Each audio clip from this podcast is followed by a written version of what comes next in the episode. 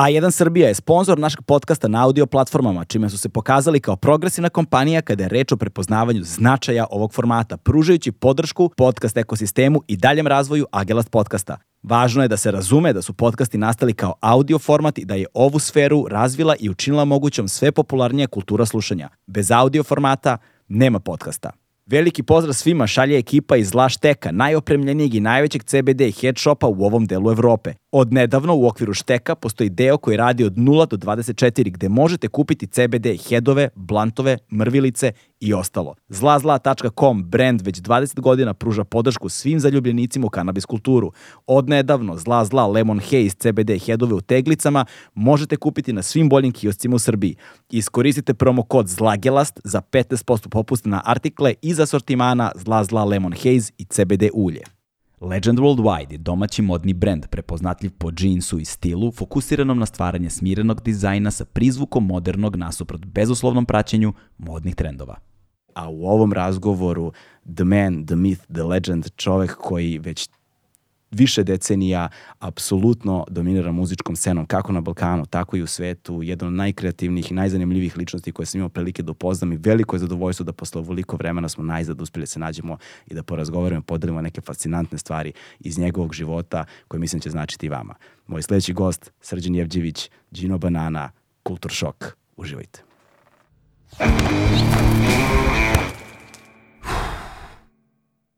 Hmm.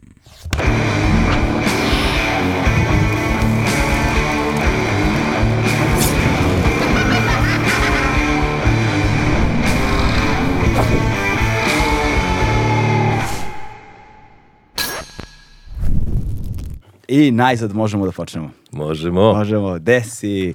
A, ka- kako, kako hoćeš? Đino, Srđane, Ba kako Jevđa, ko raje, Jevđa, raje iz Jevđa. razreda. ono. kako te, kako te zapravo najčešće zovu tvoji? Jevđa, raje iz razreda me zovu Jevđa. Jevđa, a u Ja. Americi?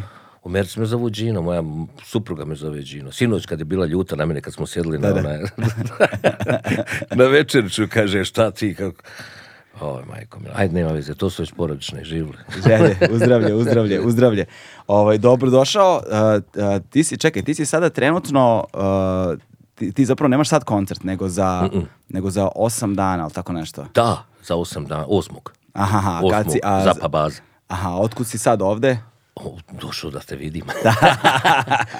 Da daš još neke intervjue. Došao, da, da, došao sam, uh, pazi ovako, ovaj Cvik, naš, naš menadžer i, i, i, vođa, vođa puta, vo- vođa puta i agent, onaj, teško je u Bosnu sići, mislim, znaš, no, zbog svega ovoga, da ne, ne, počinjem odmah o politici, znaš, nama se još uvijek taj autoput nije izgradio do mora, mada bi svima bilo mnogo lakše da, da, da se O. tako ide do mora, jel?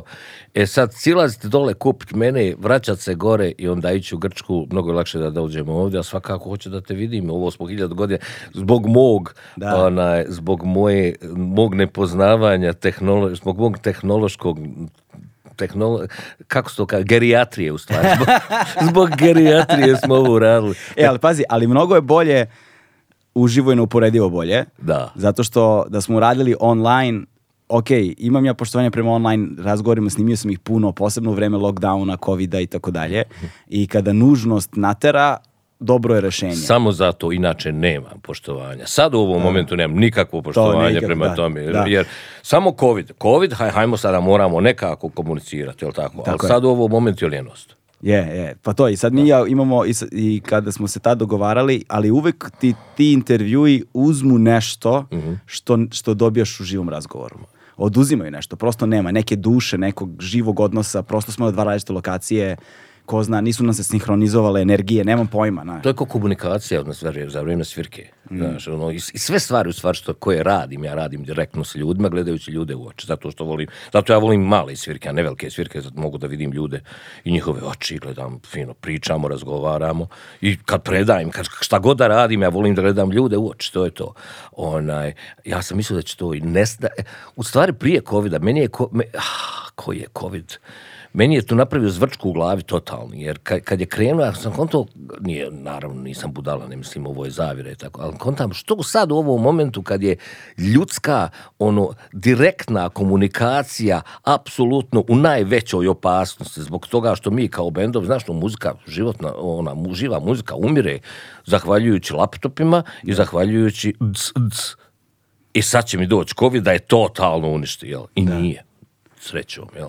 Ali primetio sam da se stvari zapravo nikada ne uništavaju do kraja. To sam prvi put primetio kada sam posmatrao, kada sam posmatrajući nosače zvuka. Da, ploča, to sam ja isto, to ja razmišljam, kontam, kontam te. Tako je, znači onda kao, da, ponovit će se Aha. nova savremenija tehnologija koja omogućava brže, kvalitetnije reprodukovanje zvuka, Mhm, jeftinije, dostupnije i šta ti ja znam. I onda kada taj talas krene, onda se nekako ta prethodna tehnologija u potpunosti zaboravi. Potpuno se zaboravi, ti misliš nestaće zauvek. Ali ona zapravo se ne izbriše skroz, nego dođe do jednog nivoa tih entuzijasta koji vole taj format. I oni su nekako osnovu samo konstantan broj ljudi. Kako jedni odlaze, novi dolaze i uvek je konstantan broj. Onda sam pomislio, ok, vinil ima ipak tu neku kulturu i dušu koju možeš da razumeš. Ali onda sam pomislio, ali kao kaseta i CD to neće preživeti. Kad, kad nije To je, to je retro nostalgija. Mislim, Da. stvar, nije, nije to zvuk, to je retro nostalgija. Što se tiče ovoga, a, a, znaš, tehnologija i, i korisnici tehnologije, Mm. da se izjasnim kao jedna osoba sa druge strane gerijatrije, a, je podcijenila rituale. Da. E, je, je, Znaš, jeste, jeste, jeste. rituale, one male OCD, Obsessive Compulsive Disorder Mm. rituale, gdje ti uzmeš, kupiš ploču, pogledaš ko je napravio, šta ja znam, sjećaš se njih. Mm. Sa, sa zadnje ploče staviš A1, slušaš A1 i to lagano krene. Za to vrijeme ti gledaš omot koji je veliki, nije mali i čitaš ga kao knjigu. Mm. Uh, to je jedan i onda poslije toga i onda razmišlja zašto su oni stavili B1 laganu pjesmu, zašto nisu ovo, i tako i, i razmišlja, zato je album album koncepcija. Danas ja znam da je to single koncepcija, Da. onaj, da, ja, šta mene, mislim, je očigledno, ja nisam osoba koja je, koja se snalazi po društvenim mrežama, ja sam to počeo, počeo prošle godine jer sam morao. Ona, Da, da. Ali, ali ta ritual, meni je drago da je ritual ostao, podcijenili su taj ritual koji, nemo, koji je nemoguć digitalno, a definitivno nemoguć sa, sa, sa malim CD-om, a kasetama i da ne govorim. Kasete su bile dobre zbog auta. I kasete Mhm. su dobre bile da ti mama može presnimiti onaj Znaš šta, tvoju ali ja sam- omiljenu muziku ali ja- sa Đerdanom. Da, ali ja, ali ja moram da priznam, dakle, od- odrastao sam na kasetama pre svega ovaj, i na CD-ovima. A, CD-ovi su bili za mene, za moju generaciju negde, ono, glavni format u suštini, glavni nosač zvuka, zato što bio je mnogo kvalitetniji od kasete, bio je lakše za reprodukciju, oni diskmeni su duše bili muka, za, muka je bila ono preskakali, potrčiš, padne, ne, znaš, ono haos je bio, ali ovaj, ali su ti bukleti bili gotivni, znaš, sa tekstovima, sa svime, znaš, bilo je toga na kasetama, ali su na CD-u bili malo veći. Nekako ta vinil kultura sa mojom generacijom je malo iščezla, posebno što smo živjeli u vreme u kojem smo živjeli, odrastali u vreme u kojem smo odrastali, onda vinila praktično nije ni bilo, nije bilo za nabave ni ploče, ni, ni ovi, kako se zovu, ni gramfoni, to je sve nešto moralo, ko je imao veze kako iz Mađarske ovdande, odande, iz, ko je imao ekstra privilegiju iz Londona da nabavlja, to je posebna grupa ljudi, ali mi obični nismo to imali baš, posebno za muziku koju smo mi pratili, i ovaj, jer za elektronsku muziku je bilo do, koje kude kamo lakše, znaš, ali ovo ostalo dosta teže. I a, CD je bio taj format što se nas tiče, ovaj, ali, ali sam i recimo imao te neke albume čiji artworkovi su mi na CD-u bili baš dobri. Recimo, recimo uh, Tool 10,000 Days album. Aha, aha, jest, jest. Ima, ima onaj stereoskop, uh, ovako kao naočare, koje ovako podigneš i onda gledaš kroz njih i onda o, buklet ot- otvaraš sa druge strane i budu dve identične fotografije koje kad pogledaš kroz stereoskop dobiju tro, tri, trodimenzionalni efekat. E, onda će se pojaviti direktor diskografske kuće koji će reći, znaš ti koliko to košta, onaj, mislim, lako je Tool to raditi. Da, onaj, da. e, sad onaj. I sem toga, a, znaš šta se dešava, to komer, što se tiče, a, ko sam ja da pričam o komercijalnom, mislim, ono, aps- apsolutno niti me zanima, Da. niti sam taj. A, ali, e, znaš, CD u stvari sad, ja, CD je skupa lična karta. Ne, lična, ne ona vizit karta. To je u stvari skupa ali vizit karta. Niti ko sluša, mi sad, koji, 11. album bio ovaj zadnji Dream da. i kao eto, nećemo praviti CD, pravit ćemo album, pravit ćemo LP. Kažem, ja ti moraš napraviti CD. Imamo 10 komada CD-ova i sad nemaš 11. CD. Da. Isto tako ovaj 12. sada, mislim, ne, ne možemo nemati taj. E sada, kad tako čovjek, onaj, pratio svoju ličnu istoriju, onda bi morao od knjiga, od, od, od postulata pa na ovamo da to radi. Tako da mene, malo to prebrzo ide. Ne, ne zbog toga što to mene smeta kao starijem čovjeku, nego jednostavno što ne mogu da kontinu, kontinuitet upratim ja i pogledam istoriju samu po sebi. O, vidi, bum, to je tako, znaš. Da, da, da. Pazi, um, ne znam, uh, to sa nosačima zvuka je dosta, dosta čudna stvar, ali bi se vratio na ovaj ritual koji si pomenuo malo pre. Ima nečega, sad će mogu ljudi da pomisle šta hoće, mm -hmm. verovatno i hoće, ali, Hoće, hoće. Da, ali, ali sam primetio da, recimo, prvi put kad sam uhvatio sebe da ne slušam albume, nego da ono, takozvano skipujem pesme, je bilo sa CD-om. CD-om mi je omogućio varijantu, poslušam 10 sekundi, 15 pesma, ajde da čujem sledeću, ajde da čujem Da, sledeću. da, da. Nestrpljiv da čujem sledeću pesmu, bez, ne, ne dajući šansi, šansu prethodnoj da mi se svidi Da ti se razvije. da mi se razvije, da je, da je razumem, da, je da. čujem, da vidim šta je, znaš, da, i onda ne poštujem ni redosled autora, odnosno redosled pesama, kako je autor to zamislio. A ja se polomih radeći na tom Da. redoslijedu pjesama i na razvoju pjesme same, na primjer, šta ja znam, znaš, ono, uvijek su ljudi govorili nama, mi uvijek na kraju buba, ne, nešto se deš, desi u sred pjesme, mislim, to, ako to radiš sa kultur šokom, onda nećeš čuti kultur šok. Tako je. Nema šanse, onda, ako, ako slu- a ko je ono, um, pažnja, moment pažnje, E, i- attention span, Tako je. prosječnog slušalca kažu da je koliko, 13 sekundi? Tako nešto, tako, nešto, da. To pričaju za društvene mreže, Da, da, imaš da. nešto 10 sekundi da uhvatiš ono attention grabbing to, da uhvatiš pažnju i inače odoše. I znači mi sa oko toga sad treba, mi ja o tom treba da razmišljam, a ne o tome kako ću se izraziti. Tako je, ti, mi živimo danas u vremenu novog tržišta, to je tržište pažnje. I tu se trguje našim vremenom. Znaš koliko mi je žao, što, ko- koliko mi je uh, drago u stvari što sam star. Da. Što ja time sad ne moram da se bavim. Zamisli, zam- zamisli sad ne razmišljam ja o tome kako ću ja napraviti to, nego kako ću ja to nekom prodati. Moj čitav život se svodio, na, znaš, moj čitav drugi život, ja sam- imao prvi život koji se svodio na to da je onaj, da ono, kao i svi normalni, kao i svi klinci, jel, ono, kao svi mladi ljudi, da bi bio stari mudar, prvo moraš biti mladi glup.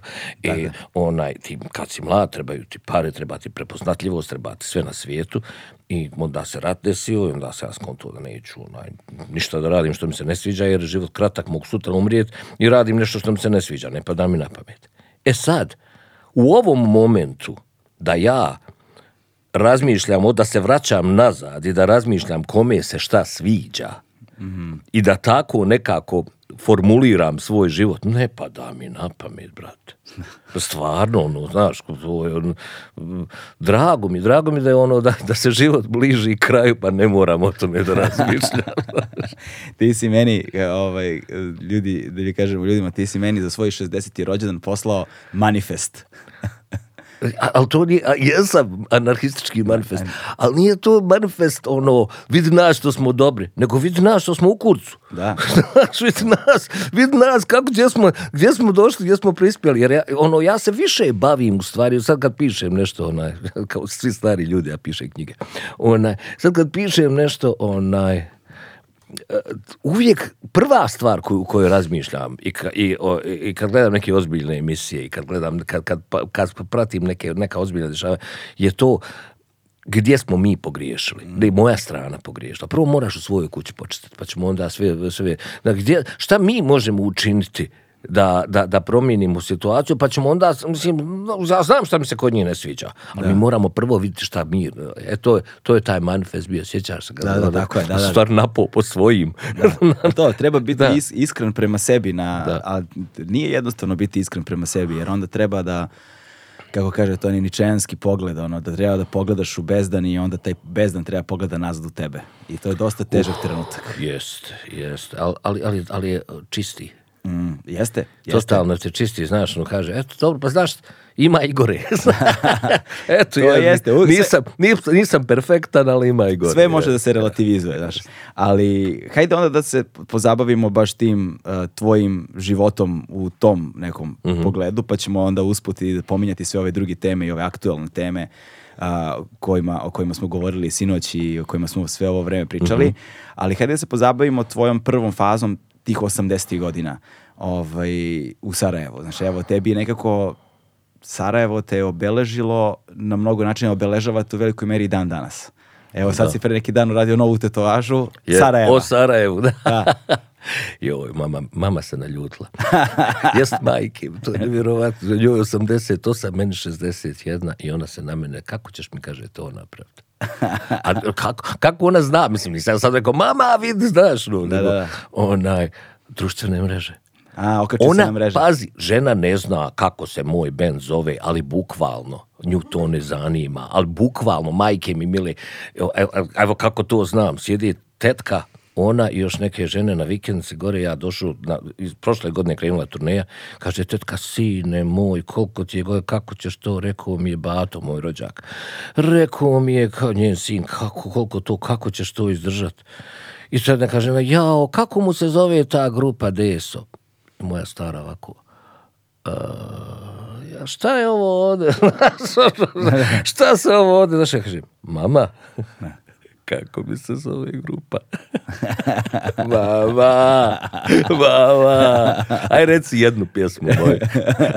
Grupa s kojom svira 27 godina. Reci mi jednu, a zna ih sve, sve su joj djeca, sve su joj, svi su joj dolazili u kuću, znaš, ono, sve. 11 albuma. Majka, 11 albuma, majka svima nama.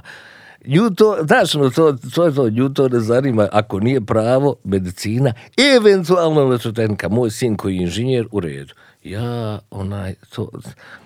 Međutim, ja mislim, znaš šta, evo odmah da se bacim na to, vratit ćemo se na Ne, to. jasno, jasno, jasno. Ćemo se na to. I ovo mi je zanimljivo, posebno zbog tog vaspitanja koje je negde za mnogi generacije tog vremena bilo uniformno. Svi smo odrastali na isti način. Ono, moraš završiti pravo, eto, završio sam pravo, donio ja, donio ja diplomu, evo ti mama. Ja sam apsolvirao za tri godine da sam osa- potpisao ugovor za diskoton i rekao, mama, e, ovako, Kad si potpisao ugovor? za diskoton?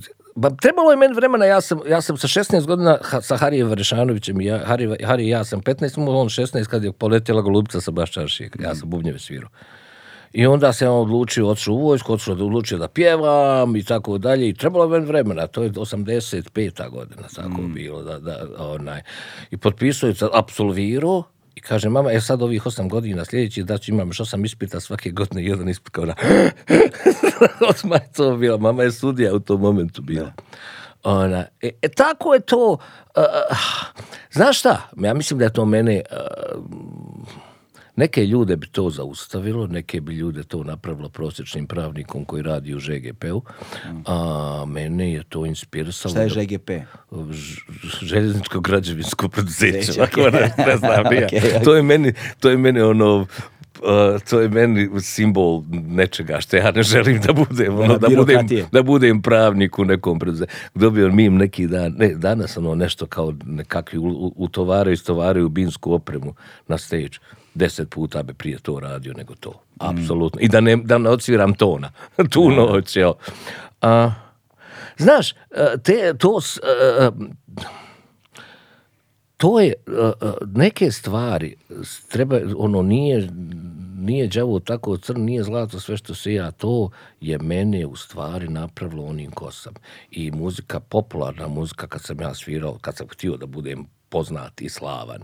Onaj, a, o, o tom ćemo kasnije. Ona, I to me napravilo onim, on, on, on- onim koji jesam danas. I sve ima svoju svrhu postojanja i sve ima svoje mjesto u nečijem životu ukoliko se dešava nekim normalnim tokom i ukoliko ti pratiš život, a ne pokušavaš da napraviš život tvojom your bitch, kako se to na našem kaže, znaš. Uh, znaš, no, ja sam uh, zbog toga počeo hiljade nekakvih stvari u isto vrijeme, znajući da ove stvari koje ja radim, pogotovo ono, u mom drugom životu, nema baš puno šanse da prođe. Mislim, ono, kultu šok, ko, ko će to u životu, ja, nema, to je totalno čudo da je to i kako prošlo, jel? E sad odjedan put te neka guta stvari krenula, onaj, sad su znači, sve te neke stvari krenule odjedan put. U ovim godinama. Ja se ja sad trudim da to stignem, jel? Da, da, da, sad treba imati energiju Da, da, to. da, da. A1 je prvi prijatelj audio izdanja Agelast podcasta.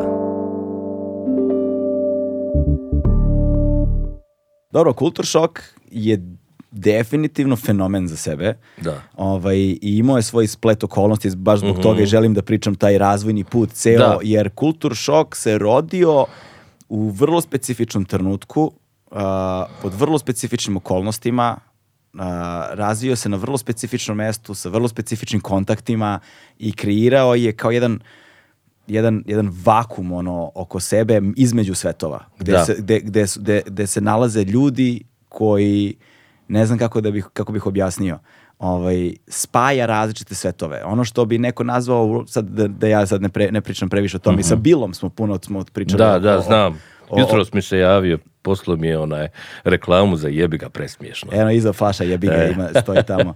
ovaj, gde je kultur šok zapravo a, bio nešto, pojavio se u trenutku kada je, kada je eksplodirao world music na sceni Mhm. sa Charlesom Petersonom, sa BBC-em i tako dalje. Pa i kod nas je bio taj uh, Balkan Sounds Global kompilacije, svašta nešto, Truba Dragačevska je postala da, da, da. globalni fenomen i šta ti ja znam. Ali je problem bio u tome što vi ste bili suviše tvrdi za world music Jeste. Znaš, su- suviše metal, previše, suviše hardcore. A previše etnički za metal. Tako je, Taj da. neki rasistički moment u bijelom čovjeku nikad nije dozvolio nama da budemo ravnopravni. Ajde, ajde se Ali doći- ali doći A, ćemo do doći toga, ćemo do toga. da, da, da. Doći ćemo do toga, ovo je jako zanimljivo. Uh, znaš, uh, kad si mlad, a, Ljudi obično idu drugim smjerovima. Ljudi obično prvo, kad su mladi, mijenjaju svijet, budu polisa, onda poslije toga postanu sting. Daš, obično je to drugi, druga vrsta varijante. A, ima jako puno tih primjera, neki su mi prijatelji, ne želim da o tom govorim, ono. Međutim, znaš, ono, kad si stariji, treba ti komotnost, treba ti a, kauč, treba ti televizor, pa ono, to je tako normalno da ti budeš malo komercijalni. Kod mene to nije bilo normalno. Meni je moj životni put i razvoj onaj, nametnuo sam uh, tok događaja, to je ovako bilo. Kad si mlad, ja to tako ovako sebi objašnjavam, kad si mlad, ti želiš da budeš glas većine. Mi svi želimo da budemo, mi imamo primjere ispred sebe. Mi imamo primjer, uh, šta ja znam, popularnih ljudi u našem, u našem momentu, neću uopšte da i pominjem ko su bili, ali znamo ko su bili 70-ih, 80-ih. Uh, ja hoću da budemo oni. I to je, to je normalno, je li tako? Međutim, nismo svi većina. E, Ne možeš ti biti glas većine ako nisi većine. Prije ili kasnije ljudi će te provaliti. Prije ili kasnije ljudi će skontat da si laž. Ono, sekunda mi je falila da i sve zajebem i da, onaj, da napravim hit i još jedan hit, da počnem sam... Govor- govoriš o periodu Gino Banana. Jeste, jeste, da, sekunda mi je falila da počnem da pravim sada neke hitove, međutim, ja kad sam tu drugu ploču napravio, taj drugi, jer, znaš, napravili smo mi prvu ploču, daj da popijemo, odvedi me u Disneyland i onda je krenuo onaj, i, i on, onda je disko to rekao, e sada treba hit, ja stvarno napravim to mače, ovo, onaj koji smo trebali skinuti sa albuma, međutim, diskoton je apsolutno rekao da to mora da bude pjesma i tako dalje. I onda se ti počneš osjećati neprijatno u svojoj... Uradiš to što si Da. uradio, međutim sad treba ono, be careful what you wish for. E, Ali, znaš, izvini što te prekidam, šta mi je zanimljivo, uh, sinoć sam slušao Mače moje čupalo, malo sam slušao te tvoje, Aha. tu tvoju šlager, uh, Da, da, fa- fa- šla- šlager. fazu, uh, šlager pevač. šlager pevač. Drugačije ti je vokal značajno. Naravno. Znaš, drugačije ti je vokal. Kako se taj, vo- mislim, nekako slušam i ne mogu, toliko sam navikao na ovaj vokal, tvoj kroz kultur šok, a, da sad kada se vratim nazad i poslušam te pesme, kao drugog čoveka da slušam. Pa to je bio drugi čovjek. To, to je u pravu si. Kao, ja, ja sam sam Jel se- bi, jel bi mogo sada tehnički da izvedeš te, taj vokal? Ja mislim da ne bi. Ne, da. Ja mislim da ne bi, jer neki dan mi je Pierre Žalica onaj poslao film, ovaj njegov novi film što je izašao, da probam da otpjevam tu pjesmu. I mali ovaj otpjevo fenomenalno, fantastično, zvuči mali ko ja. Kaže, mali zvuči ko ti, pa kao kontali smo da original, kao ono to, da bude to, a, ne, a ne kao ti, nego da budeš ti. Ona, ja kažem, eto, pošto mi je kum, ono, moj stric i njegov otac su kumovi, znaš, no, hajmo, kume, sve za tebe, evo, sad ću probat, ali ne vjerujem da mogu. Da, da. Ja sam to probao i poslao njemu i Dino Šukalo je pravio pjesmu, ona je pos- poslao je njemu, kažem, ja, ovo, ovo, druže moj, ovo je totalno drugačije nego što si ti, ja otpio, pjesmu onako kako bi ja otpio sad u ovom momentu. I ovaj kaže, kume, onaj, pravo mi jebeš koncepciju, kaže, filma, onaj, da mi ovo ovako ostaje, nego ja pravim jednu krvavu seriju gdje mi treba Tom Waits, pa eto, kao, Da, bi- da, da. bil ti prišao, bil ti prišao ovoj krvavoj seriji da mi to tako radimo. Znaš, kao glas većine ti moraš biti većina. Uh, ti moraš biti taj. Ne, ne, ne možeš se ti puno, uh, nisu ljudi, nisu mainstream popularni ljudi, mainstream ono, mi možemo srat po njima koliko hoćemo, ali oni su ti, oni žive to, oni su ti, oni, oni, on- oni su dio, ima mnogo više ljudi kao što su oni, nego kao što sam ja. Da, Ja sam probao da budem oni mainstream. i čak mi je, čak mi je sekundicu malo i uspjelo, jel? Jer ono, e, znaš, ja sam dugo radio na muzici, na svom muzičkom izrazu, mogao sam ja imitirati ovo, imitirati, mogao sam ja uraditi to. E, međutim, Kad kažeš puno si radio na svom muzičkom izrazu, šta po tim podrazumeva? e, radio sam, na, na, na- radio sam na, sviranju instrumenata, radio sam, ja, ja sve jedan instrument vježbao, ja sam vježbao pjevanje, ja sam, e, znaš, no, ja sam pjevao stalno, ja nisam, Si samostalno vežbao pevanje? Samostalno, totalno, samostalno. Kako si 80-ih pronalazi i iznalazio Nemam tehnike? pojma, ne znam. Pjeva, kako? Ian Gillan, uh, Child in Time, to je bilo 70. Ja svaki, svake godine pronađem sebi nekoga uzora za kojim, za, za- kojim I onda pokrenem. pokušavaš da Pokušavam da oponašam. To je to, tim oponašanje sam, to, to, to, tim oponašanje sam u stvari iz, iz- izrodio taj svoj neki izraz koji nisam bio ja, ali da ti kažem, opet bio sam to ja, jer sam to htio da budem ja. Mm.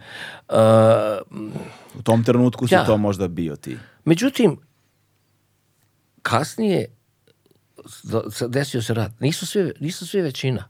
Ima nas koji smo manjina. Neko mora da bude glas manjine. Da. Ne, ne, znaš, ne, ne možemo biti svi glasovi većine, znaš, ne možemo biti svi već- većina, nego neko mora, ne znači da si u krivu ako si manjina. Da, čekaj, imaš pesmu Glas manjine. I to je, Dakle. e, to je, to je Edina pjesma u Edina, stvari. da, to je, ali tu si, izvini, tu si, tu, to mi se strašno svidjelo, tu ste tu smo obradili... Edo i ja. Tako, Edo i ti, ali tu ste obradili na kraju konjuh planinom. Da, da, eto, E, ja, ja, jeste, ja, ja. Jeste, jeste, Nena Ivošević. Da, da, da, Konjuh da. planinom, to sjajno ispalo, da. To sam ja onaj, to, to, to smo nas dvojica. E, to je, na primjer, jedan, jedan od momenata, ono, sino smo ja sa Edom pričali o tom, to je jedan od tih momenata kako sam ja, apsolutno nemam nikakvu percepciju a, sofisticiranosti a, izraza u novoj a, u, u novom a, društvenom u mediju društvenih mreža. Jer da sam ja bio pametan ja ne bi to uradio ta pje, to, taj dio pjesme produžuje pjesmu za minut i po i na tom dijelu pjesme ljudi obično ukinu pjesmu znači imali bi milione i milione više pregleda nego, e, ako je to bitno, znaš, no, s kim se družiti ko ima više pregleda. E, Nekim je to ljudima bitno, međutim, ako bi razmišljao po tom pitanju, to je preduga pjesma. Eto, to, to, su, to, to su, na primjer, neke stvari, to, ta, taj dio, ali ta pjesma mora da ima to. Ako ta pjesma nema to, ja ću biti nesretan do kraja života. E, nisam htio da budem nesretan do kraja života i upravo sam u tom momentu nešto razmišljam. Četvrti album Činobrane koji sam ja radio, koji je trebao da izađe 2. aprila 92. godine, nije izašao 2. aprila 92. godine jer je nešto drugo izašlo, a što je rat. Ona zatvorio se grad. A, I je bio totalno drugačiji. Je bio nekakav funk koji sam ja skonto da bi ja to sad htio da radim, diskoton popizdio, a on mi- meni ono, meni je sve jedno, hoćete ili nećete, ono, sa u tom momentu on kao da to izdaju, ali baš im nije bilo do toga. A, onda se desio rat. I onda sam trčeći između granata od maminog stana do pozorišta u kojem smo radili kosu, u kojem sam radio kosu, i to ono heavy metal verziju kose. A, našao sam snimke neki dan. Skonto da je život stvarno kratak. Da, da, da, da ja mogu po- poginuti u svakom momentu. I da sam jedino sretan kad radim, kad počinjem da radim kosu. Da je to prvi put u životu kad sam na početku svirke bio sretan, a ne na kraju. I da ja više neću ništa drugo da radim u životu nego ono što mi se sviđa. I da je ono 30 godina koje sam tada imao 29, 30 godina, da je taman pravo vrijeme da ja počnem svoj novi život. Mislim da je tu, nije se tu rodio kultur šok, ali tu je, tu su geni kultur šoka nastali.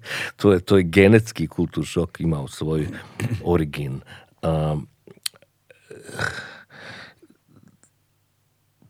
pjevati svaku Znaš, ono, kao da imaš pet minuta, još pet minuta u životu. Kad bi ti neko rekao šta hoćeš, ti imaš još pet minuta, ti bi rekao daj da se još malo zajebavam.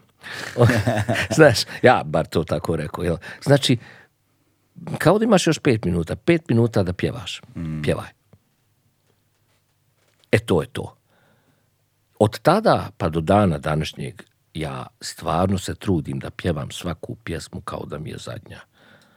Uh, ja ne mogu da se kontrolišem na stage imam groznu anksioznost prije stage imam groznu prazninu, a poslije toga, ali na stage sam to je, uh, adrenalin je zajebana droga. Pričali smo o drogama malo čas kad smo ono hodali po kiši. Uh, znaš, ono, uh, uh, ja mogu da kažem, na primjer, da je mene muzika spasila ovisnosti. Bilo čega. Nisam ja nikad trebao, nikad, nisam bio blizu ničega od toga. Ali to zbog toga što neću da ne, ne smijem zajebat taj adrenalin koji me koji mi je toliko jak kad izađem, kad, kad, kad se svjetla ugase, da, je, da je to nešto što onaj, ja, ja, znaš, to je, to je u stvari haj koji ja nikad nisam doživio ni s čim drugim nego s tim. Da. I e, sjećam se kad smo u Krokodilu svirali jedan put, ja sam konto, to je to, ja sad predavati na fakultetu, ja sad, ja po, sad potrudite da radim. Ovo, ono, pozorište, neću ja više svirati, izađem na stage Kom krokodilu? krok- u, u Seattle. Aha, u Sijetlu. I to je poslije toga, par godina poslije toga bio, pet godina, šest godina poslije toga bio. Onaj, i onda skontam. Bio jam session, izle, izle, izjeli me da otpivam nešto. Kažem, ja, ja ovo volim, ja sam ovdje dobar. Ima samo par stvari u koje smo u životu dobri. Znaš, zašto, zašto ne raditi stvari u koje smo dobri?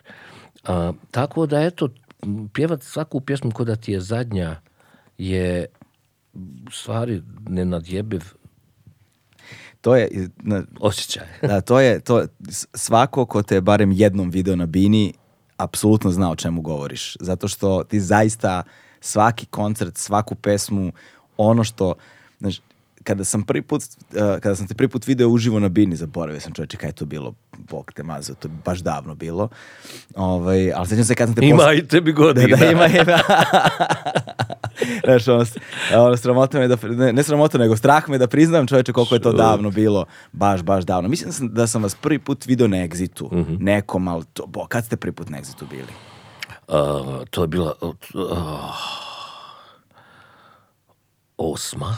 2008, ja tako nešto. A, mislim, tako osma. nešto. Jer mi smo na Balkanu prvi put svirali šeste. Tako je, da, da, da. Znaš, jer ja sam mislio nikad mi još Balkan, ja, ja kon, kon, kon, se s ovim, s onim lokalnim kabadahijama i kremerima i kritičarima zajba, mi kaže, evo ga turbo folk, mi to ne I volimo. bili ste tada na, i bili, i bili ste tada na bini koja se zvala ona Balkan Fusion stage. Ne, ne, bili smo na met, nekoj alternativnoj metal bini gdje je puno, bilo jako puno prašine. E, da, I da, gdje je da, bilo da, jako, jeste, I svi jeste. su nosili ovako maske, ja sam rekao, evo i moji ljudi, anarhisti.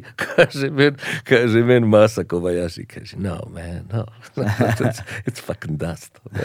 da, da, da, da, da. Ja meni ono, ja, ja uvijek ono, znaš, ja, E, ja, pa da, vidiš, uvijek imam ono, kako se to kaže, wishful thinking. Da, da, da, da, da, da, da, uvijek, uvijek pomisliš ono Jeste, najbolje. jeste. optimista večiti. Optimista da. večiti, jeste. Da, ovaj, uh, ja, a ja sam bio sa svojom tom ekipom, nekom baš iz Banja Luke su drugari bili, neki s njima smo metalci, opasni Mm. Da, metalci, da, da. opasni metalci.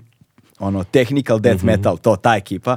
S njima smo išli, ovaj, e, oni su eto rasuti po svetu, isto sad žive, pozdrav za ekipu koja živi u Kini i gde sve ne. Ovaj, ali a, a, šta smo počeli pričamo, zaboravio sam. Dakle, da se vratimo na ovo. Da, kad, kod god te video na bini, bilo mu je jasno zapravo naš, ta energija, način na koji ti nastupaš. Poslednji put kad sam vas gledao Kultur šok, bilo je u Domu omladine Beograda i to me ima, boga mi, jedno deseta godina sad sigurno. Ima, ima. Tako da dugo nisam video vaš nastup. Ovaj, vreme je da se to ispravi. da. Ali Ali uh, ono što mi je, da se vratimo sad na, nazad malo, da se vratimo na tamo gde si, gde si bio. Zanima me taj četvrti album Gino Banana, taj funk, što nije izašao, jel ga imaš? Nemam. Imao sam, ali ima ga u stvari ovaj jedan jaran koji je probavao nešto da to napravi neki master toga svega. To bih volao da čujem, taj funk. To bih i ja sad volio da čujem, ja, ja sam to slušao nešto, pa, pa e, znaš, došlo mi je, ovoliko je falilo da ja to nešto izdam, kad sa, onda sam konto, što bi sada, mislim, ono, da, da, da bunim ljude. Pošto to još uvijek nije to ovo što je sada. Ali daću ti, onako, pa ćemo pričati o tome. Da. Čekaj, si ti radio na radiju nekom u to Nisam. vreme? Nisi, nisi. Nisam nikad. E, ovaj, a, nakon, kada si počeo da radiš kosu, ko- ta kosa je velika prekretnica zapravo u tvojoj karijeri, to. u tvom životu. Nam, to je zapravo raskrsnica na kojoj se jako puno toga desilo i ono, To i to. emocionalno, i metafizički, i bukvalno. To je, to je kreiralo mene, me, mene mnom. A, ovog Želim, sada. želim da mi viš, ka- kažeš više o tom procesu, jer te je na kraju ta kosa i odvela Da. a, u Ameriku. Da, to je... ah, Splet okolnosti je nevjerovatna. Ja sam u stvari ratni profiter. Koliko si dugo bio, uh, kad si otišao, koliko si dugo bio u Sarajevu? U Sarajevu sam bio do 95. godine. Do 94. pa se vratio, pa do 95. i poslije rata. Tokom cijele opsade. Da, da. Onaj... Prvo o tom ratu, mislim, ono, znaš, ja sam to jutro se probudio u svom stanu, moj stan je ovako, ovako ide taj most, o, moj stan je tu, a mamin stan je na Skenderiji, moj stan je na Grbavici. Ali to je najviše deset minuta hoda, jel? A, ja se probudio ranije, kontam, joj, sam gladan, nemam ništa u frižderu, naravno. Odo kod mame. I ona je još uvijek ono radila, nije, jest radila još uvijek. Ona, otišao tamo, jeo, i kontam, ostaću malo u gradu, ovo moram, ovo moram, ono. I u četiri sata popodne se zatvori onaj most. I ja tu ostanem. to je to. Znači, da sam se ja to veče ubio nečim i da sam ostao da spavam i da ne idem nigdje, niti bi se ja i ti poznavali, niti bi ja ostao u Sarajevu, niti bi ja, ko zna gdje bi ja, šta bi ja, kako bi li ja bježao, ne bi pucao, to znam, možda bi me neko ubio zato što neću da pucam. Onaj, možda, možda me ne bi ubio, možda bi me neko spasio pa me prebacio do Beograda, do Zagreba, znaš, no, šta bi ja ovde? Mislim, ono, nisam im bio neki omiljeni stvaratelj ni kad sam ni u miru, a pogotovo da dođem u ratu, hej, ajmo praviti ploču, znaš, no, bježi tamo. Onaj, e, šta bi ja tamo u Zagrebu isto tako, šta bi ja, šta bi ja bilo gdje? I, a dom je dom, kuća je kuća. Ja e, sad kad razmislim nešto ono tokom rata smo sjedli svi ono uz, uz etil alkohol koji smo krali od umprofora i miješali sa limun, to su mi pravili vodku ili sa šećerom mi pravili konjak, pa ujutro ono, ujutro ti oči bole, ono skoro oslijepiš, znaš, grozno. Ali eto, to su možda bilo najbolji dernec i, i kosa i, i, i sve to, ja sad razmišljam, možda je to bilo jedno, jedna nevjerovatno jedna nevjerovatna prekretnica u mom životu. Ne samo prekretnica, najbolje je vrijeme jer ti ne znaš šta je za šta dobro nikada. Ali otkud kosa u tom trenutku i zašto kosa? Evo ovako, idem ja, šetam ja gradom, onaj, ne, nije se bombardovao taj dan, valjda, i ima onaj prolaz između Kamernog teatra i Titove ulice, ja tuda prolazim i Slavko Pervan, ovaj, a, koreograf a, koji je radio olimpijadu sa mojim stricem, s- otac moga druga, Nene, kaže, e, Jevđa, kako si, šta ima, hajmo, imamo kamerni otvoren ovdje, hajmo nešto raditi, nema, nema nikoga. Kažem ja, hajmo, hajmo raditi musical, kažem ja, hajmo raditi kosu. Jer, pazi, nisam ja to rekao zato što sam ja bio nešto stravično pametan da u tom momentu treba da se radi kod antiratni musical u sred rata. Ono, ne, znaš, no, nismo, mi, nismo mi Amerikanci, ono, kad kaže Amerikanci, ono, when is, how is it when you come back from the war? Like, we don't come back from the war, we go to the war. You know, we, we, we, don't, we don't go to the war, war comes to us. Sjediš kući, ono, minding your own business, boom, znaš, e, to je tako ovaj kaže jesi lud kao ono antiratni mu- mu- musical u zemlji koja je ono napadnuta? Kažem ja onaj ja ne znam ništa drugo a ova ta, ta muzika je meni mraka možemo to napraviti tamnije mračnije zajebanije metalnije jer sam ja u tom momentu već ono pregrmio, ja u tom momentu ne želim više da sviram. Ono, ja, ja hodam ulicom i kontam, ja, ja sam pročerdo svoj život. Ja, ja on, ono vrijeme kad sam mogao da sviram, nisam svi, ono, znaš, uh, ja sam uvijek razmišljao, uh, kao što sad, što ti kažeš, ja zatvorim oči i vidiš da je, da je to sve što imam u mom životu. To mi je stalno falilo. Ja, ja kao da sebi danas pokušavam nadomjestim tih prvih, od prvih 15 godina moga rada, znači od 15. pa do, do, do 30. godine gdje sam ja u stvari onaj, pokušavao da budem jedan od znaš, estra, jugoslovenske estrade. Uh, i, i, I naravno to sam uspio. Znači mi krenemo da radimo to u kosu, ja nazovem Lezija, on kaže, Lizi, hajmo odma, odma, iste sekunde, odmah se on ufati skidanja ovih, kako se zove, akorda, hajmo, bolje ti nego ja, meni će treba 20 dana, tebi će treba toliko i toliko. Čeremida je tu iz, iz ovoga plavog orkestra, jedan i drugi, Izo iz Harimata, Harija Bubnjar, uh, Duco, što je kasnije svirao sa, sa, sa Rundekom, Dušan Vranić, uh, Amila je tu, Dragana, Igor, Tifa je bio tu u tom momentu, ali eto, nešto, on dolazio, odlazio, dolazio, odlazio, nije, nije se on tome priključio, ali bili smo svi tu, onaj, i nekako u tom momentu balet, kompletan je balet bio tu, bio Atko tu, glumci, Goga, Boban, to je sve što smo imali u životu. Ja nikad nisam vidio grupu ljudi koja je došla zdušno da radi bez pitanja koliko je to para, bez pitanja šta, kako, gdje, nego svi su rekli hajmo, krećemo i radimo. Mislim da se to ne bi, ne bi moglo desiti ni u jednim drugim okolima, jer svi bili negdje na nekom putu, na nekim turnejama, svi bi imali posla, svi bi bili u drugim projektima. Sad u ovom momentu, znaš, imati toliko ljudi koji su stvar prodali toliko ploča na jednom stage nije, ne, to ovi američki muzikli imaju ljude koji radi na Broadwayu, ali ne ljude, sad ne, neće ti svirati, šta ja znam, neće ti svirati Rage Against the Machine članovi svirati u muziklu, je li tako? E sad u ovom momentu to je bila ta situacija.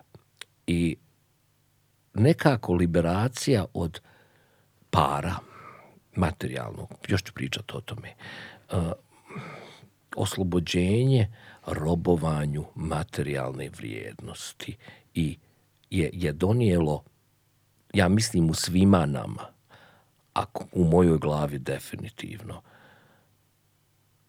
ja ne moram u ovom projektu napraviti ništa što bi se svidlo drugim ljudima da bi neko drugi kupio. Ja samo moram da zadovoljim sam sebe da meni bude dobro. Znaš kako je to? Ja sam, mi smo ostali svi bez para. To je neki nevjerovatan. Rekao čovjek, ostaneš bez para, ostaneš bez hrane. To je neki, neki nevjerovatan osjećaj, to je to neki, kao neki haj na koji, na koji nisi očekivao uopšte. Mm. Znaš, to, to ti očekuješ haj od ovoga, od, od pozitivnih stvari, od negativnih stvari ne očekuješ haj. I taj neki haj je, je, je bio ne samo u mene, nego ja mislim u svima nama. Mi ti aranžmane koje smo napravili, imam taj, te snimke i upravo sam, onaj, sinoć kad sam se svađao sa ženom, svađao sam se oko toga što sam zaboravio te snimke i za ovaj film trebaju ti snimci. I ona ne mogu ja nosit, ka moraš nosit, ja zaboravio te snimke, pošto je onaj basista kreće i ona je morala sada da se utrkuje s njim do aerodroma da mu donese te snimke. To je bila svađa.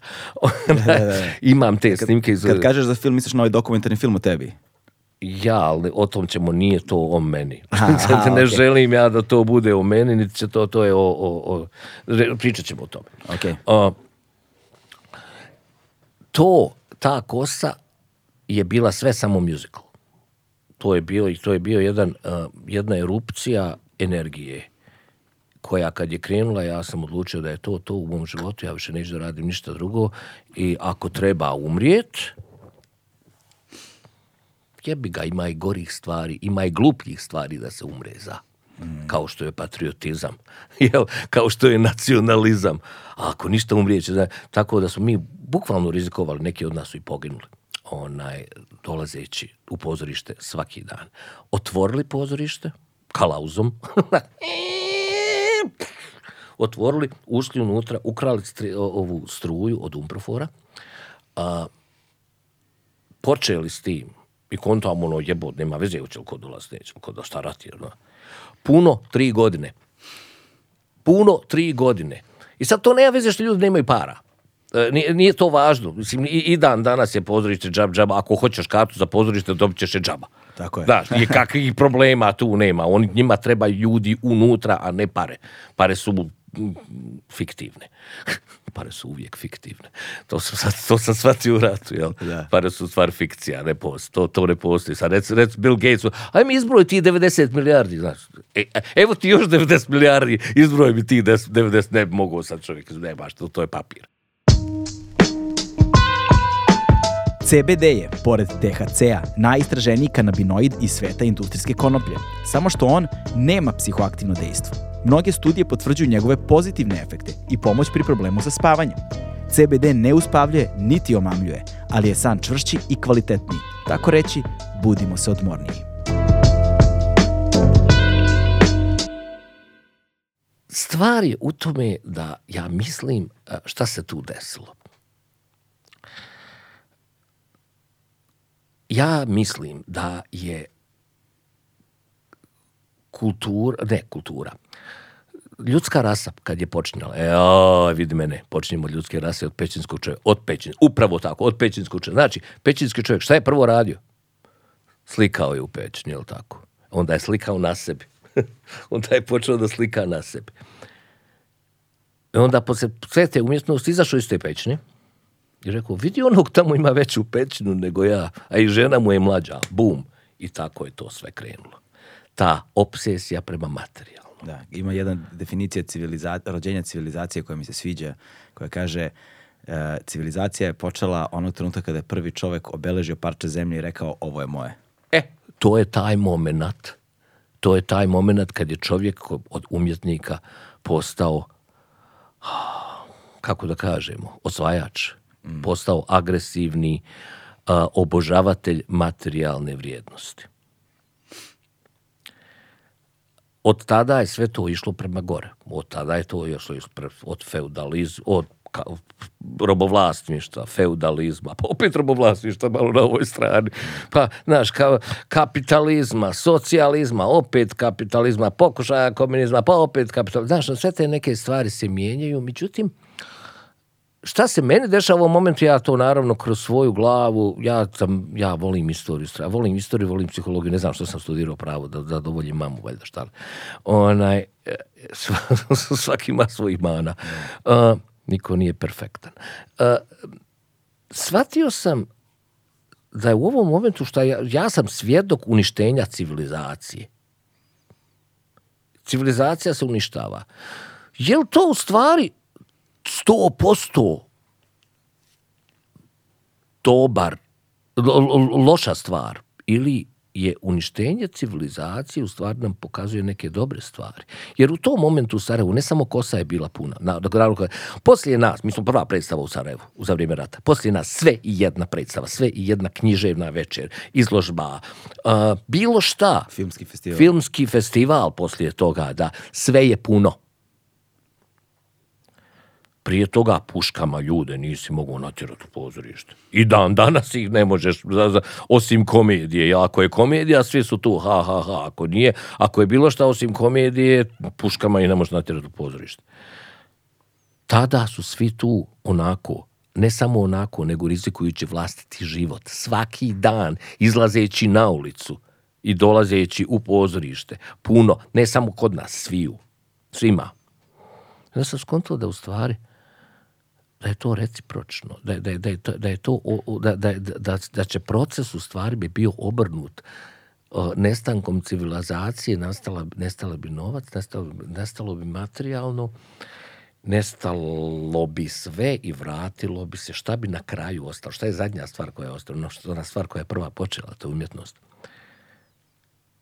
E, to je sve super, međutim ja sam jako naivno i utopistički razmišljao o tome i mislio da je ovo možda moment kada materijalni svijet prestaje sa značajem. Znao sam da to neće se ugasiti, ono abruptly, ali da će možda krenuti dole sa značajem. Joj, kako sam se zajebao. I onda je došla tehnologija i onda je došlo koliko imaš pregleda. Da, I, je. I onda je došlo koliko imaš pregleda. A, nije mi žao što sam bio u zabludi, znaš, nije mi žao što sam bio u zabludi, dobra mi je ova teorija, ako ništa dobra je za nekog filma. E, Da, da, e, o tome film. to.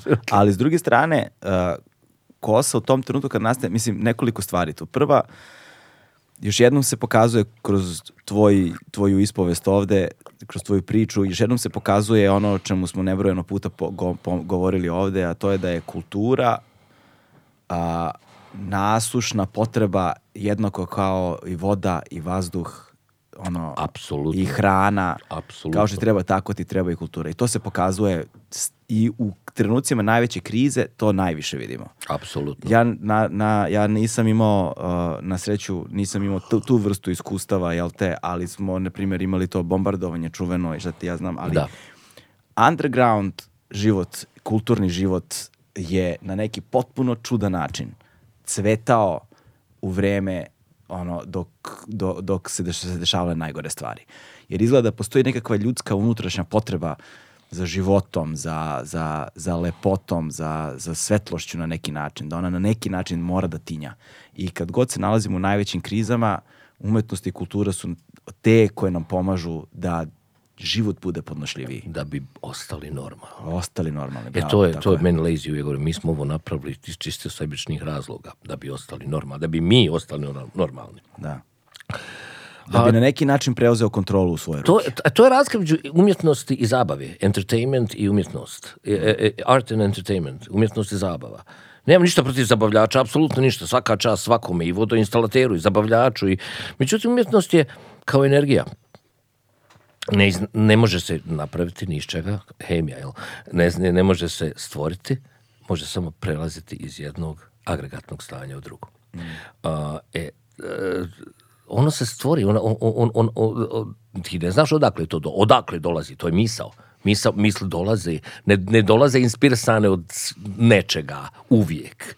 Znaš, da, e, U, mislim- u, u Grčkoj su je nazivali božansko nadahnuće. Da, pa jeste, znaš, o, je, stvarno jeste, a mislim božansko, šta god da je, energija, a, sigurno nije iz jednog izvora, ima, ima tu jako puno. Međutim, a, ja mislim da je samim tim u, sebičnost u umjetnosti, možda je, možda je umjetnost jedina djelatnost ljudske, ljudska djelatnost u kojoj sebičnost nije samo nepoželjna, nego i poželjna. Nije, nije- samo, znaš, nije samo e, negativni pojam, nego je čak šta više i poželjna. Čak šta više, znaš, no, jer ako ti zadovoljiš sam sebe i svoje postulate, to znači da si iskren sam prema sebi. Ako si iskren sam prema sebi, to znači da si dostavio ono što se od tebe očekuje. Sad se to ljudima može svidjeti, može ljudima ne svidjeti, međutim nisi imao zadnju misao da imaš toliko i toliko nečega, para, pregleda, cvijeća, kafe, znaš, no, ne, nije robno novčana, nije, nije, nema trade value. Ne, Nema pragmatizma i U- oportunizma u to, tome. Da. to. Uh, nema pragmatizma. Nema pragmatizma i sve dok je svrha samoj sebi ima smisla. Kad postane bilo šta drugo, to, je, to onda prelazi u, prelazi u zabavu, prelazi u posao, što je super, mislim, znaš, no, od nečeg se mora živjeti, znam, jasno mi je, mi, mi to, sada ne razgovaramo o tome, mi govorimo o ideji vodilji od ko- koja, eh, koja je u tom momentu u ratu nama došla onako. I, i znaš, čovjek straš, osjeća strašno oslobođenje i u tom momentu ja sam skontao da je život stvarno kratak. Da bi se trošio na bilo šta drugo osim što mene zanima u tom momentu i s čim ću ja lično biti sretan. Kosa je u tom trenutku, uh, kada ste vi radili, verovatno ne sanjajući da će to biti rezultat na neki način, kreirala uh, strašan odjek. Jer Pojma, ja. ve, vest o, o, o mjuziklu, antiratnom mjuziklu u ratom zahvaćenom, jel te, za ratom zahvaćenoj zemlji pod opsadom je je, je, je, je takva jedna, ono, kako, kako bi to rekli amerikanci, juxtaposition, znaš, kao Mhm. jed- jedna juxtapozicija, jel te, jedan, jedan, jedan, jedan Parad- kontrast. Paradoks, da. jedan, jedan kontrast koji šalje zajedno u tom okruženju, u tom trenutku, Mhm. šalje jednu snažnu poruku. Jednu snažnu poruku o ljudskom, ljudskoj borbi za slobodu.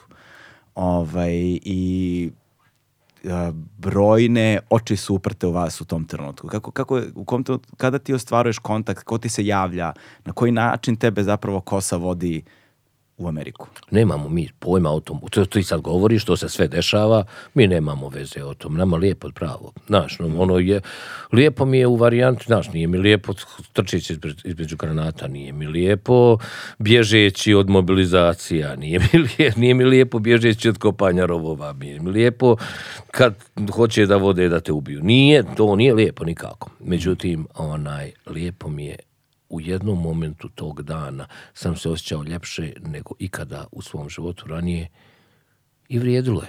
Ono, znaš, vrijedi. A, a, ne, ne očekujem ni od koga da razumije. I ne treba da razumije i da Bog da nikad, evo mene, pominjem Boga. da, da. Sad pominjem Boga.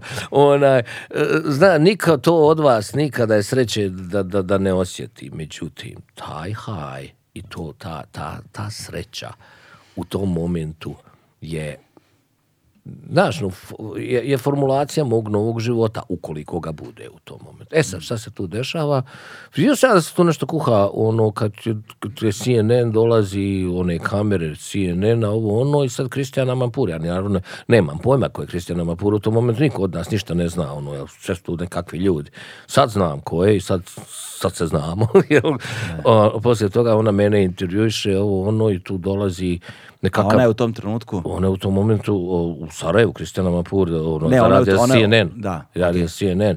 Dolazi onaj, do- dolazi još nekakvi ljudi ABC, CBS, ovi, oni, svi to mene, ono, u principu, a, ljudi koji su bili političari, Zlatko Lagumđevi, oni, oni su znali ko je šta, ja sam bio dobar s njim, onaj, i mi smo, ono, znaš, ja, ja sad, ja sad, meni je to jasno, međutim, ja sam u tom nekom svom stanju nirvane gdje sam onaj gdje ja uživam u tome šta, šta radim i onaj je onda znaš no e, u principu mi nije bitno hoću da se ovaj raz završi i da nastavim da radimo ja već imam planova ja već imam pjesama ja već hoću da radim nešto novo u svom životu ono ono što je bilo bilo je ovaj, znaš no ja više nisam ja sam ja jedva čekam da novi ja izađem. A ra- pisao si pesme tokom... da, da, naravno, naravno, ja, ja, da, da, ono, a to je, to je nevjerojatno, nevjera- nevjerojatno produktivni, ja sam ti rekao, ta, ta, ta, pa, to ti je razlog zašto siromašne zemlje imaju mm, onaj, da je kultura siromašnih zemalja mnogo interesantnija nego kultura bogatih zemalja, narodna kultura. Uh, znaš, no, zašto, zašto je makedonska, bugarska muzika, zašto, Irci, zašto su Irci bolji od, o- o- im- imaju, imaju bolju muziku od Engleza? znači, no, uh, treba patnjati, treba, bol je divna za stvaranje. E, onaj, u tom momentu dolazi um, neki čovjek koji nas intervjuše i onda neko kaže, znaš ti ko je to? Ne znam. Jesi čuo za mm, film Field of Dreams? Jesam, eto, taj čovjek je ono to režirao i pisao Phil Alden Robinson. U tom momentu se penje neka žena na stage, znaš ti ko je to? Kažem, ja ma znam, poznata mi je. To je bila John Baez. Ona, i, I njen gitarista Paul Pesco. Tu mi postanemo veliki prijatelji. Tu je, mi nemamo vode, ali ima u Hotel Holiday Innu. Onda odem u njenu sobu pa se istuširam. Ono, I tako, onaj, i, i,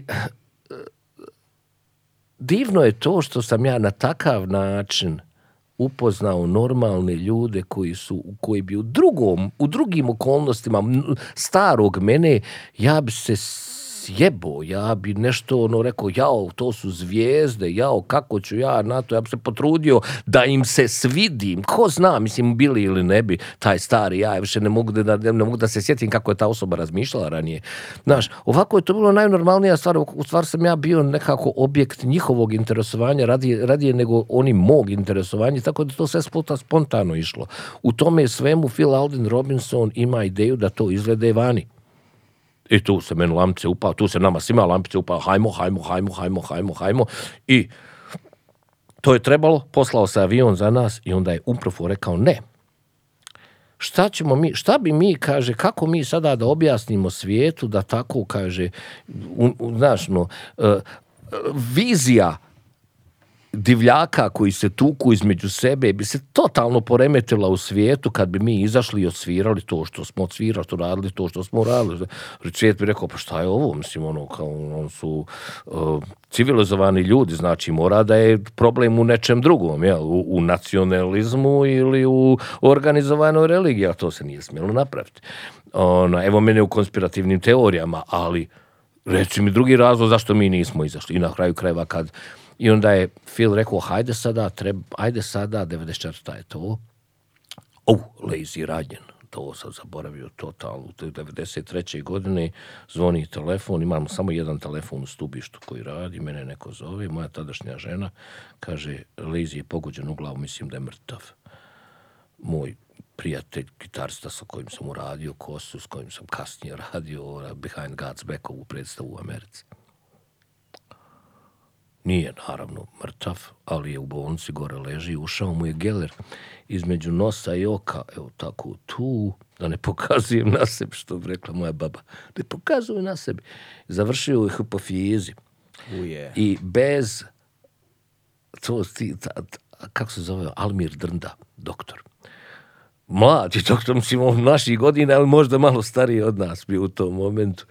Otvori mu glavu, bez vode, struje, uh, svjetla, ne znam ni ja čega, ovako, nešto prokuhano u vodu, otvori mu glavu, izvadi hip, geler iz hipofize, zatvori mu glavu i ovaj ostane živ, ne samo ostane živ, ja mislim da jedino ima, imao je, imao je diabetes od toga i to je, ako ga i sad ima, ne znam, to je to otprilike.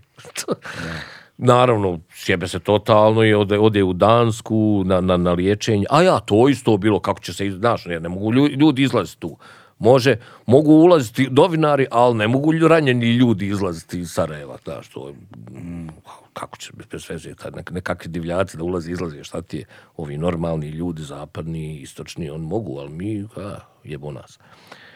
I ja tu onda, a to se sve dešava u momentu kad je već kosa, kosi zabranjen izlazak i sad trebamo jedan po jedan, mi smo sve zvolili, jedan po jedan ćemo izlaziti, pa ćemo se naći tamo, pa ćemo svirati, pa ćemo im jebat majku. Gde tamo? Neđe na zapadu, na zapadu. Mi smo svoj idealizam, prijatelj. Da, da, to je ideal, naćemo se tamo negdje, pa ćemo svirat, jest. Gdje sunce sija Ma gdje sunce jače. sija, jeste. Ona i ja tu totalno popizdim i odem u taj, sjećam se, u UNHCR, United Nation Refugee, High Refugee Committee, i kažem im onaj, eto, slušaj, niste nas izveli, niste ništa uradili, čovjek je, ono, čovjek umire ovdje. Pa daj, izvedite njega da, da spasite jedan život, jebo nas, ajde, možemo mi poginuti. Ma, znaš, a jednog od nas spas, bilo koja, birajte koga ćete. I ova se žena, Anne-Marie Dupree, ja se sjećam nje, svaka je čast, sada se založi, Pinsgauer dođe po njega i odvedu ga. I on je sad u Danskoj, godina dana prolazi, mi nastavljamo kosu. To je bilo on je više. I sto drug ti to, o, čuvaj, nekakav, čuvajte mi Jugoslaviju, znaš, ono, nastavite, vi morate nastaviti, moramo nas, mi nastavljamo kosu dalje. Beho svira mjesto njega, mi nastavljamo kosu dalje. Ono, ništa nas ne smije, to, to je bio dogovor, kogod pogine, nastavlja se, nema onaj, a, jebote, ja kad skontam, ja o tom dugo nisam razmišljao, hvala ti, onaj što smo napominjati, to zajebano. Onaj, sad, to mi bilo tad normalno, sad, sad, sad kako sam se malo najeo i, i, i, i, i, i akomodatovao u, u, u zapadnom svijetu, sad mi to normalno, sad mi to onaj, ludilo. Mi nastavljamo kosu i u tom viče, neko me zove, uh, Phil Robinson, kaže, hoće da mi dođemo tamo jedan po jedan, onako kako smo mi zamišljali, i onaj, i da nekako u tom momentu uh, da to da, da, da, da, da eto ako ništa da Lezi ja dođemo pa da probamo da mi ubijedimo američki kongres da to treba da se desi. I Lezi je u Danskoj zdraviji nego što je bio. Ja sam u Sarajevu, ja izdajem ispod tunela, sad ne mogu ja više, nema, nema aviona. Ja bježim, ja, možeš li, kažem, ja mogu, znam ja svojih prijatelja, mislim, odrastao sam na ulici, znam prijatelje, i s jedne i s druge strane nema ono, ona, idem ispod tunela, trčim, bježim, ovo ono, u Zagreb dolazim, u Zagreb ulazim u američku ambasadu, onaj, dobijam tu vizu. Čekaj, ti si, ti si iz Sarajeva izašao tako što si bežao Ispod tunela. ispod tunela. Jest. Sam, Sam. peške. Mislim, ne to kao, nego naš pri, ne priznam i kao, ti si izašao i šta, i onda si... Volio bi ja biciklom, ali nije bilo to. Ja. Ali, kad si, ali kad si, kad si izašao s druge strane, kako si nastavio? O, pa taj tunel, znači tunel, on- onda, onda su bili nekakvi autobusi. Onaj, u, s druge strane, na tom drugoj, na toj drugoj, na druge, Sarajevo je opkoljeno. Da. Na toj drugoj strani, sa sve jedne strane imaju to neki autobusi koji voze, isto je tako rat. Ali se može negdje nešto. Da. Ja sam to tako uzbrisao, došao do Zagreba, u Zagrebu bio kod prijateljice Ksenije, par dana, dobio tu vizu, sjeo na avion, Ali sa, samo sekund, kao, mislim, mi govorimo o vremenu pre interneta, pre ono, Da, da. mobilnih telefona, pre svega. Ta- Da li si ti uspeo... Imao je jedan frajer mobilni telefon, sjećam se. Ali jeste, jeste, to je prije mo- mobilni Kako telefon. si se javio, kak, e, si tu Kseniju u Zagrebu iznenadio svojim dolaskom ili te očekivala? Iznenadio svojim dolaskom. Da, To mi je najbolja prijateljica, odrasli smo zajedno, ono, išli u školu zajedno. Da, da, da. Nije, ne, hoću kažem, ono, kad si stigao u Zagreb, ni- nije te očekivala. Nije. nije, ne, ne, a, ja sam nekome javio da, ja, ja, pričao sam, bio je onaj, kako se to kaže, a, satelitski telefon Aha. u redakciji Dana Senada Pećana koji sam ja otišao, razgovarao sa Philom Robinsonom, razgovarao sa Lazijem na telefon i rekao da on ima telefon, kaže koga imaš u Zagrebu, pita Phil Robinson, kaže Ksenijin telefon, ovo je njena mama Jelena, javite se njoj, ono, recite im da ću doći. I onda, eto, to je to. A, okej, okej. To okej, je to, jasno. Dolaziš kod nje u Zagreb. Dolazim kod nje u Zagreb, s njom sam dva dana i idem onaj, u Ameriku. I, a, I ulazim u... Dobio si vizu u Zagrebu. Dobio sam vizu odmah, jer je ona, jer je... a, određeni kongresmeni su se stvarno založili za to, demokratski, onaj, i mi smo uletili a, u, to, u taj njihov parlament, u taj njihov kongres. Čekaj, gde si otišao u Ameriku kad si dobio vizu? Washington DC, odmah direktno u kongres, jeli? Ko te sačekao tamo? Phil Robinson. Na, na aerodromu Phil. Robinson, ja, da, da, da. To su detalji koji mene zanimaju. Da, da? Phil Robinson na, na aerodromu me sačekao i onaj United States Information Agency je kao to, je, je, je organizovala to, to je njihova informativna agencija, jel, onaj, uh, centralna, nije CIA, ali, a mislim, ko zna, ja, ja to ne razumijem. U svakom slučaju, on je povukao razne veze da, da, da, da, da nekako mi tu dođemo, da ta umjetnost dođe tu. I ona, ja se dobro sjećam, mi smo to, sve to dobro bilo u tom momentu, je primire kod nas ovde i čim je primirje, interes opada. Ona, znaš, krv se zgrušava i, i, i, o, i kažem, ja se sjećam dobro ovaj neki odnos, kaže, ja, ja, but Bosnia's not anymore that interesting. Do you know anybody in Haiti? Da, Haiti krenuo. Kao eto, tamo je krv malo vrelija, jel? Sad u ovom momentu. Tamo, vamo, vamo, tamo nema šanse. Nema šanse, nema šanse. I sad hoće film da pravi taj film o tome svemu. Ja mislim da mu ni film nije prošao čisto zbog toga što ga je napravio realnim. Jer, a, znaš kako on to rade? On to rade tako da Steven Seagal uleti i pobije sve divljaka što treba da bi došao do američke novinarke koja je plava i izvadi je onaj, a te neki, neki, ti neki divljaci onaj, su svi ono leže. Znaš, to, to je ta varijanta, to nije bio taj film. To je bio taj, to je bio, to je trebao da bude film o naravno Amerikancu koji je došao tamo, onaj, ali ne novinaru, nego je kako se zove u stvari, pošto dosta novinara se bavilo kupio, kupovinom i prodajom, znaš, no, kupi, kupe u istočnoj strane nešto za pet maraka, prodaju vamo za sto. Na, na- naša litra ulja bila sto maraka, naše onaj, cigare su bile 15 maraka. Znaš, no, to, t- i on je u stvari realizam tu stavio ono da šta su novinari u stvari radili i to je ja mislim da je to definitivno osunatilo njihove namjere znaš da ne kažem osujetilo A, znaš i Pun to- intended. i to je tako i to je tako ja mislim da je, i tu, tu sam ja Tu sam ja prolupao totalno. Tu sam ja već u Americi onaj, odlučio da sviram ono što sviram i radim ono što radim. Elizi ja pišemo predstavu o tome svemu i o tome onaj, koje, koja je igrala u stvari.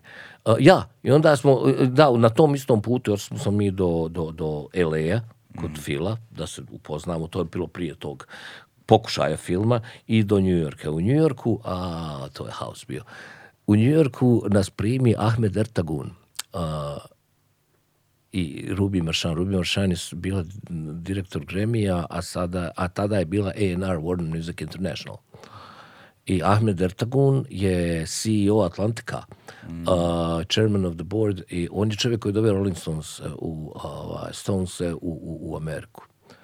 I ja sam za vrijeme rata, mi smo napravili pjesmu Killing Me Softly, a on je bio producent ovoj Roberto Fleck, da. A, okej, a, Killing Me Softly, ali mi smo u, rad, u originalu, mi Da, smo da, radili metal verziju Killing Me Softly, znaš. Da, da, da. I ona, e, to je bilo ludilo.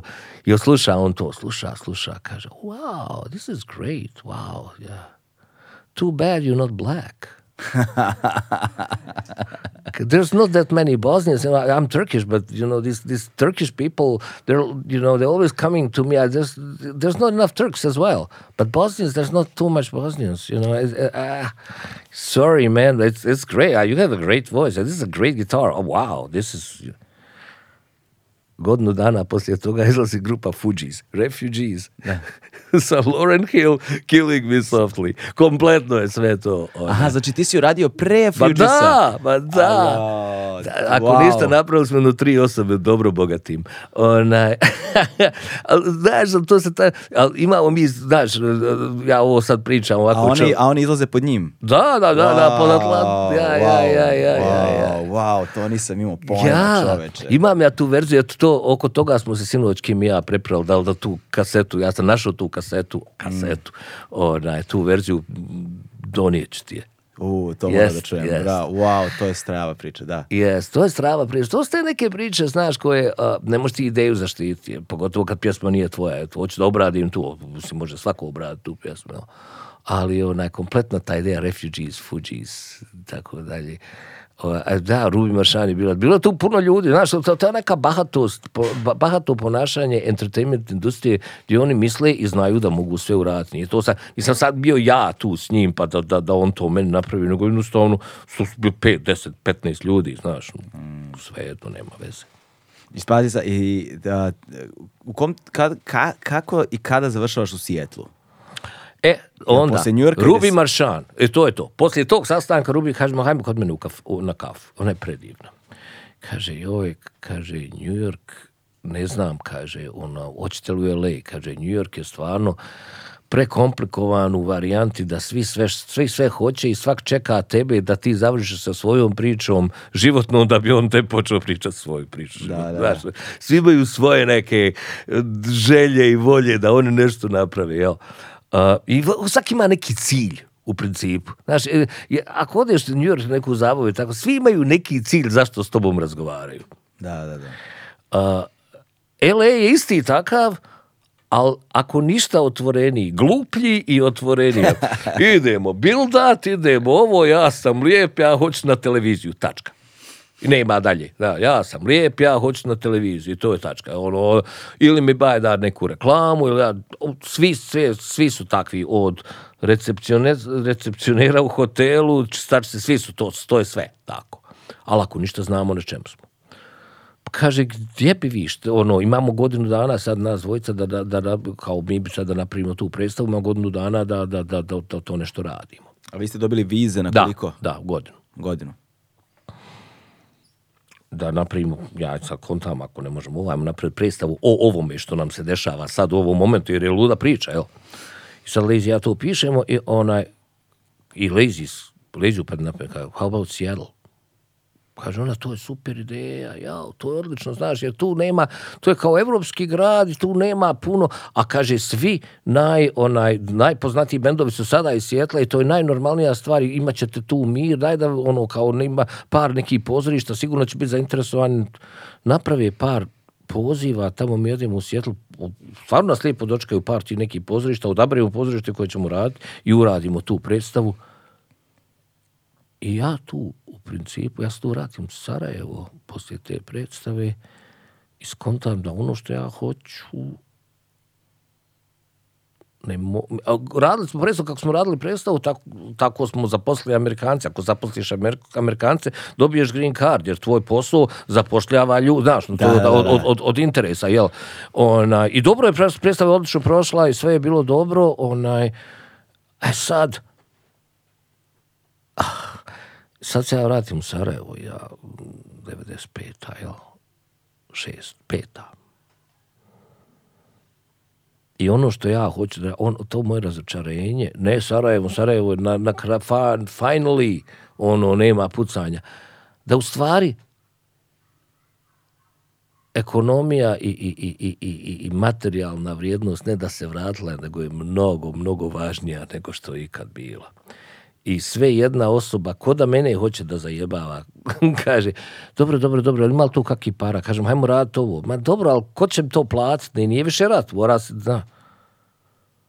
A vamo na ovoj strani imam, već sam upoznao neke ljude, prijatelje, onaj, Krista, Biafru, znaš, no, neke ljude koji, ko, ko, ko, te, u pozorištu Tim Bond, uh, Phil Robinson, znaš, koji žele da rade sa mnom, John Baez, a, i ja se tu vratim. Ja skontam da onaj, ono što ja želim, znaš, drago mi je da sam ostao u Sarajevu za vrijeme rata, jer ovo iskustvo koje imam nisam poginuo, onaj, ne može se, ovo što se meni desilo, kao što sam rekao, ja sam ratni profiter. Prvo po, prvo po a, mentalnom sklopu koji sam dobio i, i, koliko sam odrastao kroz to, a drugo po tome šta želim da po budućnosti koju sam sam sebi odredio. Sad u ovom momentu ja Sarajevu ne trebam. Sarajevo meni trebalo u tom momentu, trebao sam možda i ja Sarajevu, ne samo da sam sebe napravio normalnim i ostao normalno, nego možda, možda sam pomogao, pomogli smo drugim ljudima da ostanu normalni isto tako. I tu se naš odnos poslovni završio. Ostaju samo emocije prema mom rodnom gradu u kojem sam stalno, u kojem je mama i sva rodbina, svi ja, kojim ću živjeti. I ja odlučim da ostanem da živim u Sarajevu, ali da radim negdje drugo. Palo mi je malo dug put do posla, pa ponekad tamo prespava. e, to je to bilo. Vratim se sa tadašnjom ženom i nastavim ovo što sam počeo. E, sad- šok. Sa tradicijom dugom skoro tri decenije, Legend Worldwide je prepoznatljiv domaći brend sa akcentom na jeans, pre svega, koji odlikuju bezvremenski, klasični modeli. Da, e sada dve stvari u vezi sa time. A, prva je, da li su prve pesme Kultur šoka zapravo one pesme koje su pisane i nastajale za vreme rata? Neke jesu. Ne mogu sad tačno, neke jesu. Ali e, kompletna tematika meni, to, meni u glavi nije bilo. Meni Sevdah nije bio u glavi sekunde. Meni je, meni je Sevdah proradio kad sam tamo došao. A, Ja nemam... u tuđinu, što bi U rekli. tu- znaš, jer ja nisam a, isto tako, ja zaboravio sam bitna stvar koju sam, na koju sam se ja vratio da predajem na fakultetu. E, malo, ne puno, nije, ne mogu, ne mogu. Ja sad živim od toga svega, sve. Ja to još uvijek krpim sam sebe. Sve što sam imao, otela mi je Ljubljanska banka, nisam banke dobio. Ono, u- ona doba, sve ono ploča što se prodalo, mače moje čupovo, to je sve Ljubljanska banka. U, To je sad, sad to, je, to, je nečije sad, jel? Međutim, ja to je jedna liberalizacija, pričali smo o tome, o, o, o, o oslobođenju od materijalnog. O, posle toga mi nikad u životu. Sam, sam sebi zakleo da ću, da uvijek trošiti sve što imam i da, da neću skupljati pare, ono, kao, kao, kao marke. A, radio sam ja u to, to pozorište. E, Šta si me pitao, izvini? Gdje smo, Prvo gdje sam smo? te pitao, dve stvari me zanimaju. Prva je, dakle, da li su prve pesme Kultur šoka bile one pesme Aha. Koje si pisao za vreme, za vreme opsade? I druga stvar koja me zanima u vezi sa time jeste, a, dakle, u stvari još dve stvari. Jedna je kako si upoznao svoje članove, članove svog benda sa Mhm. kojima već dugo sviraš, kako ste se oformili? I ono što me strašno zanima, malo pre si ono, pomenuo onako usputno neke veoma važne ljude, poput recimo Jello Biafre, Mhm. naš Dead Kennedys, dakle, to prijateljstvo, kako je nastalo, zato što, koliko sam ja razumeo, bila Jello Biafra je uh, tebe preporučio Billu Da, da. Go- Goldu, pričamo o Billu Goldu. Nikad mu to nije dao da zaboravi. Da, da. Billu Goldu, a Billu Gouldu, Yes. a Bill Gould, za one koji ne znaju, basista grupe Fate No More, Yes. koja je u tom trenutku koji, globalna. koji je napravio, koji je u stvari promovirao kulturšak u svijetu. Tako. I još jedna stvar koja je tu važna, koja znam da je ljudima, da će ljudima značiti puno, a to je tvoja veza zapravo istovremeno sa Seattle grunge, grunge scenom i sa Nirvanom. Ja, Da, ali puno, je to tema, ajmo, ajmo, po- ajmo polako. Puno da. je toga. Um, Dakle, kako nastaje kultur šok? Kultur šok. I kako A. se kre, po, kreiraju ta tvoja poznanstva u Seattle? Kako si se upoznao sa Jello Biafra? Mi smo onaj, uh, kultur šok je, kao što sam rekao, ja više u tom momentu ne želim da ljudi narodnu muziku ovdje koriste da prodal ploče, jel? Ili da ploče, opet ja ploče. O, Da, da bi, da bi klikove. Ja, eh, ja nisam, ja, meni narodna muzika, me- meni, meni Sevdah nije pao na pamet dok nisam krenuo sa kultur šokom. A pao mi je na pamet tako što sam se osjećao znaš, ono, when a good man feels bad, to je formula za blues. A to je isto Sevdah. Da, da. Znaš što se meni najviše sviđa kako naši bluzeri zovu gitarski solo? Kako? Sikiracija. što, je, što je bolji solo, to se više sekira. U, pa jeste, to je to.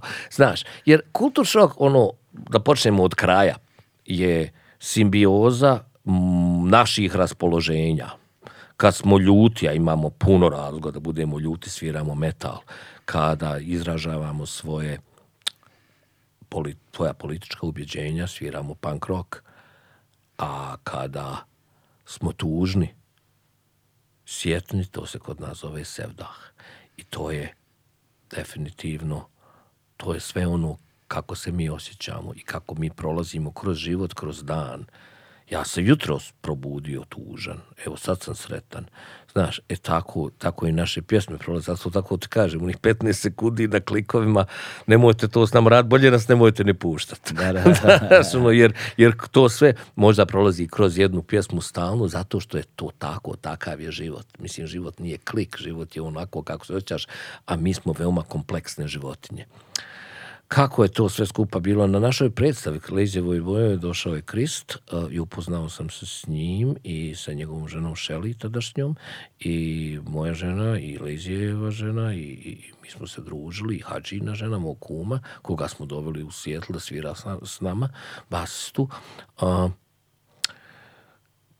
mi sviramo akustičnu muziku tad u tom momentu sa John Baez a, i na par nekih koncerata s njom smo svirali i više od par ne, sa ovim Bill, uh, Paul Pesco koji je poslije toga svirao sa Madonom i poslije toga bio muzički direktor za Jennifer Lopez bar by the way, to nije nikakva para. Odmah ako naši muzičar misle da, je, da, da, da ti ljudi zarađuju pare, ne zarađuju nikakve pare. Bolje ti je biti bubnjar alternativnog benda nego svirat s velikim zvijezdama, pošto ono uzmute za sve što imaš. To, to, to da znaju ljudi. Onaj, u katalogu se nađeš i on te ovako biraju, znaš, grozno.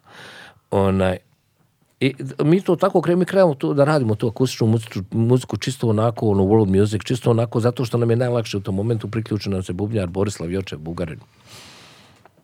I nazovemo se Kultur šok 96. godine. Šta se tu desi? Ah, neki bunt u meni se tu desi. Ne- Nešto grozno. Što, a, mi sa te akustične varijante krenemo znaš, kad ti sviraš akustičnu muziku, onda čuješ kako zvekeće neko tamo sa, sa viljuškama, noževima, kako pričaju, onda, onda sam rekao, nigdje gdje se jede i nigdje gdje nema djece, gdje ima djece. Ono ja ne sviram. Um, ja nisam to mogao. Ja to nisam mogao jednostavno više raditi. Rekao sam, se uključiti u tom momentu Lezi hoće da radi nešto svoje, Hadžija hoće da posjeti fam- familiji, Borislav i ja zovnemo Marija Butkovića, iz, za kojeg smo čuli, iz Portlanda, koji nam se priključi, Brad Hauser, o, basista uh, Edie Brickell, New Bohemians, bude tu u Sijetlu koji nas čuje, kaže, jo, mogu li ja? A to su nevjerovatni ljudi. Brad Hauser dođe meni koji sam niko i ništa, nekakav frajer došao iz Sarajeva. Jo, kaže, mogu li ja samo svirati? Imate li basistu? Mogu li ja samo svirati? Ne, nikakve mi pare da zarađujemo, ništa. I mi tu, i tu krene kultur šok. Krist uh, dovede Jarana na prvu tu svirku našu električnu, kad smo uključili da se, da uključimo, U pojačalo. da se uključimo, pojačalo da budem glasniji od ovih kretena dole. Sa viljuškama i Yes. noževima. A, Tek smo sada napravili onaj, tek smo sad napravili ako su treba ovaj PTSD traje 27 godina. Tek smo sad napravili akustičnu varijantu Kalkutu šaka. Neki dan je bio, neki dan je bio koncert Da, akustični. pri, pričat ćemo, to je KXP, jel tako? KXP, Pričat yes. ćemo o tom iskustvu, ali da, prvo molim. Da, i onaj, kad smo to uradili sad, onaj, dolazi Kristi i, i upoznaje onaj, me sa Jaranom, kaže, e, Gino, let me introduce you, this is Jello Biafra. U ja jebote, znaš, no prvo, trebao sam te prepoznat, a drugo, kako ću te prepoznat, mislim, ono, ne izgledaš isto. Da, da. Ona, i mi tu pričamo, mi tu razgovaramo i to je neki... Sad ja sam tu već poslije rata, znaš, opet da se to meni sve desilo prije deset godina, ja bi se usrao od straha. Znaš, no, a sad je više, znaš, no, sad više nema nikakve veze, ja sam ubijeđen da ovo što ja radim sad neće nikad proći nigdje. Znaš, jer sa Kristom sam upravo razgovarao i on ima neki band sad u tom momentu s, uh, Sweet 75 i kaže ma jo, to, to je jako teško. Mislim, ono, znaš, i ne, ne znači to, ako ti jaran s nekim, a, to ne znači da ako je ta osoba popularna, da i oni mogu više išta uraditi. I ne samo tebi da pomogu, nego da sebi pomognu. Mislim, znaš, ono, nije to više, onaj, nije to tako, ja sam taj i taj, e, pa ti neko uzvrati poziv. To je jako komplikovano. Ja sam već pomirio, ne, nema veze, ja već tu imam nekakav ne- nešto predajem ovdje, onda ja sam tu nešto već pomirio i mi tu razgovaramo kao normalni ljudi koji imaju isti smisao za humor, ista politička, političke poglede, možda čak i ne ponekad. Uh, znaš, nema veze, ljudi koji su jednostavno voli da razgovaraju. Stiže meni pismo. Pazi, to je već vrijeme ovih, ja sam tu razveo, u se, t- to je nevjerovatno, ja se razvodim u sekundu, onaj, ja se razvodim 99. godine a, i moj život je onako nekako bez Znaš, no ja, ovo, ovo ko sam ti rekao, možemo mi to svirati, mi smo dobri, ali mislim, ono, šta?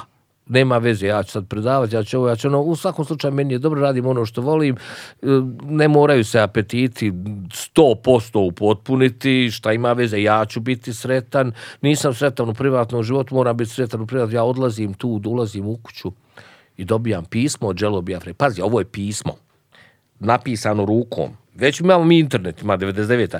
Ruko, e, zdravo, šta ima? Ovo je bilo super.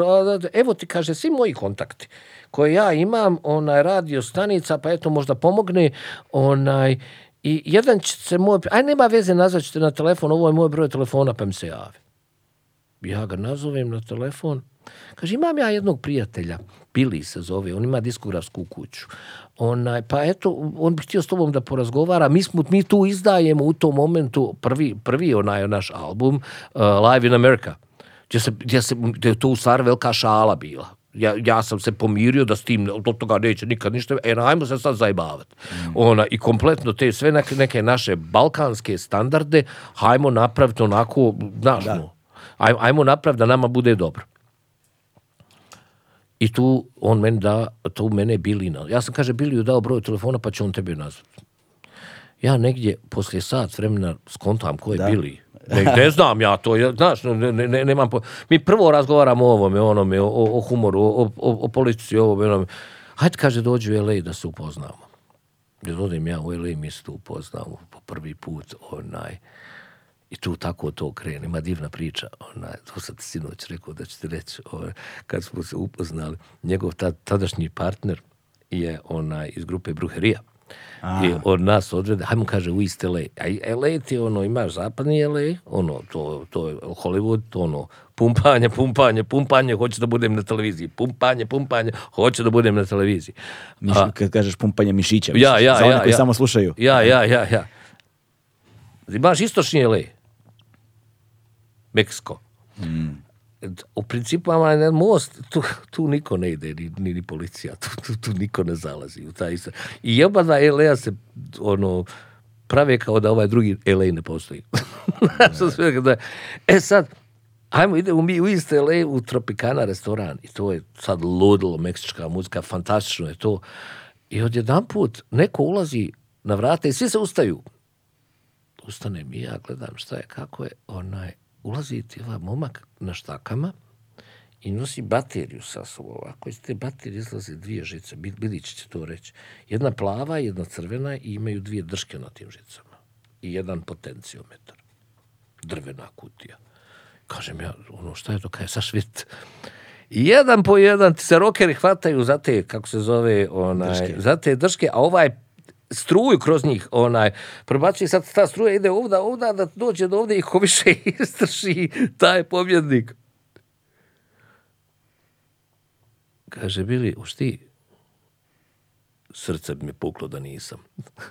Ko, ko, ko mi ću spričati eto, nisam uradio, i ja to uradio, eto da, onaj, to je prvi put u životu, kad sam to nešto i zadnji put, kad sam ali to te zabave, to je. E, tad sam se podsjetio na Sarajevo. Jer taj neki rizik života mi je falio. To, to, to, to- znaš, ono, čovjek se navuče na taj rizik života. Uh, skonto sam da normalni život nije za mene. I, da, I krenemo na to. Sve to tako krene. I evo me, sad, Da, poslije, ali- poslije toliko godina. A, ovaj, a Nirvana? Krist, nemam ja puno veze sa Nirvanom, imam veze sa Kristom. Kristom, aha. Da, s Kristom. Ali ti si u vrlo specifično vreme došao zapravo u Seattle. Da. 95. ali tako, 94. 95. To je bilo ubrzo nakon Da. tragedije eh, koja je zadesila Ni- Nirvana, jel te? Da, mi smo se Ka, ka, družili. ka- kakav je ambijent bio ta atmosfera toga? Mislim, to je Vrlo tra... teško. Ja, Krist, Roderick Romero, Skycrest Mary, bilo je dosta Kim, bilo je te raje, onaj, opet kažem da su normalni ljudi. Ja, ja, ja i u ovom razgovoru sada ne želim uopšte da onaj da izdvaja bikoga. Mislim, Krist i ja smo se zbližili, a mi smo se, nismo se čuli već godinama. Mislim da se onaj odvojio i da ne želi da puno razgovara. Čuli smo se prije par godina kad, je, kad smo nešto radili. Um, politika je kurva i onaj i, i, i ljude mm. A, tako da sad u ovom momentu nije, nemam ja veze nikakve s tim, ali on se odvojio. Ne želi da, da komunicira s ljudima. Onaj, a tada u tom momentu smo se zbližili tako što smo se razveli u istom momentu. to, to, ona, ja, naše dvije supruge su bile prijateljice u to doba, onaj, a mi smo se razvili u tom momentu i to je bilo ludo vrijeme, do dvije, tri godine ovoga momačkog života. Mm, ok. Da. E, ali sad vrlo zanimljiva stvar u vezi sa kultur šokom. Ovaj, još jedna stvar je vas zadesila, do, uh, do- ok, jedan je star album Live in America, Mhm. ali čekaj, to nije album koji ste radili sa Billom. Sa Billom ste rap, zapravo... Ne, ne, to je album koji smo, to je šala za jebancija Tako, koji smo e. mi to uradili. Ali- E onda je Bill nazvao i rekao, let's fuck it up. Mhm. O, let's do it, but let's fuck it up. E onda smo uradili Fuck the INS. E, i sad ono što je fascinantno u svemu tome, još jedna nesrećna splet okolnosti, vi ste možda imali neku šansu Da, da, da, da. da, za proboj većeg mainstreama, ali vama je izašao album koji se zove Fuck the INS 11. septembra. 2001. godine. Jes, jes, jes. Te. Ljudi su uzmali CD-ove, lomili ih i slali ih bilu nazad iz protesta. Da ono, nekakvi imigranti došli ovdje i seru nam se, a, a, a ovi nas... Mislim, ka- kako ćemo mi to sad, da, znaš šta, kako, gdje, ali u to, ja mislim, pazi, mi smo mi smo možda imali neku šansu, međutim, ja mislim da ta odskočna daska kad je Amerika, kad je Bush krenuo da napada Irak i tako dalje, Španija i e, liberalna zapadna Evropa su nas pozvali na ovu stranu, jer im se upravo ta... Znaš, ono, ako, a, ako te neće, neću, onda te hoće, hoću. da, Znaš, da. to, to uvijek je, uvijek, ako, si, ako te neko ne voli, druga strana te želi. Ako te neko, ako te jedna strana želi, mislim to je sa, šta se to dešava sada, jel tako, sa, sa ljudskim pravima, sa LGBT-em ovdje. Pričali smo sinoć. Da. Možemo o tom, o tom, možemo i kasnije. Jasno. Onaj, znaš, uh, zbog čega ti moraš da, da praviš izbor koji se tiče ljudskih prava? Zar to ne bi trebalo da bude nešto što je ona op- opšte prihvaćeno? Univerzalno, Jeste, jasno. univerzalno. Ovo je mnogo jednostavnija bila varijanta desničarska, ljevičarska. Znaš, uh, da, mi smo bili prezreni u tom momentu od sviju u Americi. Međutim, to nam je otvorilo vrata u Europi. A, vidiš, zanimljivo. Da. Zato sad i dan danas smo u Europi bolji nego u Americi. U Americi smo dobri na istočnoj obali i na zapadnoj obali. Ono, između sviramo u Čikagu. Kakva vam je publika u Čikagu? O, super, nije naša. Mislim, nije, u tom je fon, mi nismo diaspora band. Znaš, mi nismo diaspora band, mi sviramo ono, znaš, pričali smo jučer, nas vole ljudi koji ne vole narodnjake. Nas vole ljudi koji ne vole metal. Nas ljudi, ljudi koji ne, ne slušaju ekskluzivno samo punk rock muziku. A uh, isto tako uh, naša muzika za punk rock i za metal je nije bijela dovoljno. Nije dovoljno na engleskom. Mi 14 jezika do sada smo iskoristili. Ja imam teoriju da svaka pjesma ima svoj jezik i ne smije se od toga bježati. Ono, Znaš, no, ima prirodni jezik na kojem treba da se obrati publici. A, I nije, anglos, anglosaksonski jezici su predominantno o, ono čime se bavi današnja agresivna pop muzika kao što je metal i punk rock. I sad se to pokušava nekako da ispravi. Ja mislim da smo tek sada sa Alternative Tentacles, kad smo potpisali za, za, za Biafrnu kuću, o tom ćemo pričati kako, i to isto tako ludilo samo po sebi, da smo tek sada prihvaćeni od ove strane, a i od ove druge strane. Jer mi smo u stvari, znaš, kad krene, kad pričaš o, imi, o imigrantstvima koji sviraju, nije tvoje da sviraš jarane, tvoje je da čistiš WC, a onda petkom i subotom da odeš u kafanu i da me zabavljaš. Kad ja hoću da budem loš, da radim ovo. Jel tako? Da. Obuci se u bijelo i pjevaj mi pjesme koje će mi biti sjetne.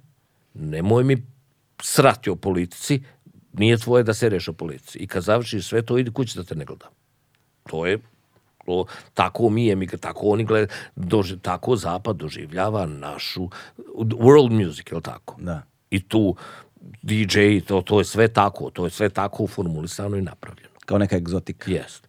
Ovamo s druge strane, ono, šta ti meni na to, to, ovako, to je Brano iz Dubioze, on rekao, vodi me, on mene uvijek vozi, mi pričamo, onaj, mi volimo jako puno da pričamo, najbolje pričamo kad mene vozi na aerodrom, onaj, duša draga, on, ali to mi je baš ono, na, naj, najdivniji momenti u Sarajevu kad me vozi na aerodrom, onaj, i kad kaže, znaš ti kako ti njima zvučiš tamo tim rokerima? Kaže, što je ovaj Rus vas da ljut? što je opet ovaj Rus? Jo, kaže, što je ovaj Rus ljut uvijek. E tako, mi smo njima Rusi. Svi smo mi njima Rusi ili smo Arapi. Mi smo svi Rusi ili Arapi. Onaj, i, I mi smo, sad, znaš, što, što smo mi sad ljuti nešto? E, to su, to, to, to je taj metal, to je taj punk rock. Znači, punk rock je postoji, a, mislim da smo se ovom konačno sa KXP-em, sa ovim koncertom u koncertnoj dvorani u Sijetlu približili world music, no, kompletno, kogod je ko u world music, muzici je došao. Ja znam, to je poštovanje prema našem musicianshipu, jel, to, to je poštovanje prema tome kako smo mi, ko- koliko smo mi dobri muzičari i onda su došli svi da nas čuju. Ali isto tako, znaš, ne bi ranije došli da nas čuju. I ne bi došlo da je metal to u, u pitanju. Vamo s druge strane, onaj, sa potpisivanjem za Alternative Tentacle smo se približili uh, anglosaksonskom punk metalu. Kao Jello Biafra vam je kao dao neki kredibilitet Jeste, u tom smislu. jeste, Kao on vas je jeste, evo, aminovao. Evo, evo, i on je rekao, this is how punk rock should sound from now on. This is not just anglo-saxon bullshit, znaš, no. Da, da, da. Trebalo nam je koliko? 27 godina, ali evo na tu smo. Nekako da pomirimo ta dva svijeta da nas oba dva. U principu, naš problem je bio taj da mi, da, da, da mi nismo bili prihvaćeni i dan danas toliko od oba dva svijeta. I, jedan i, za, i za jedan i za drugi svijet smo previše.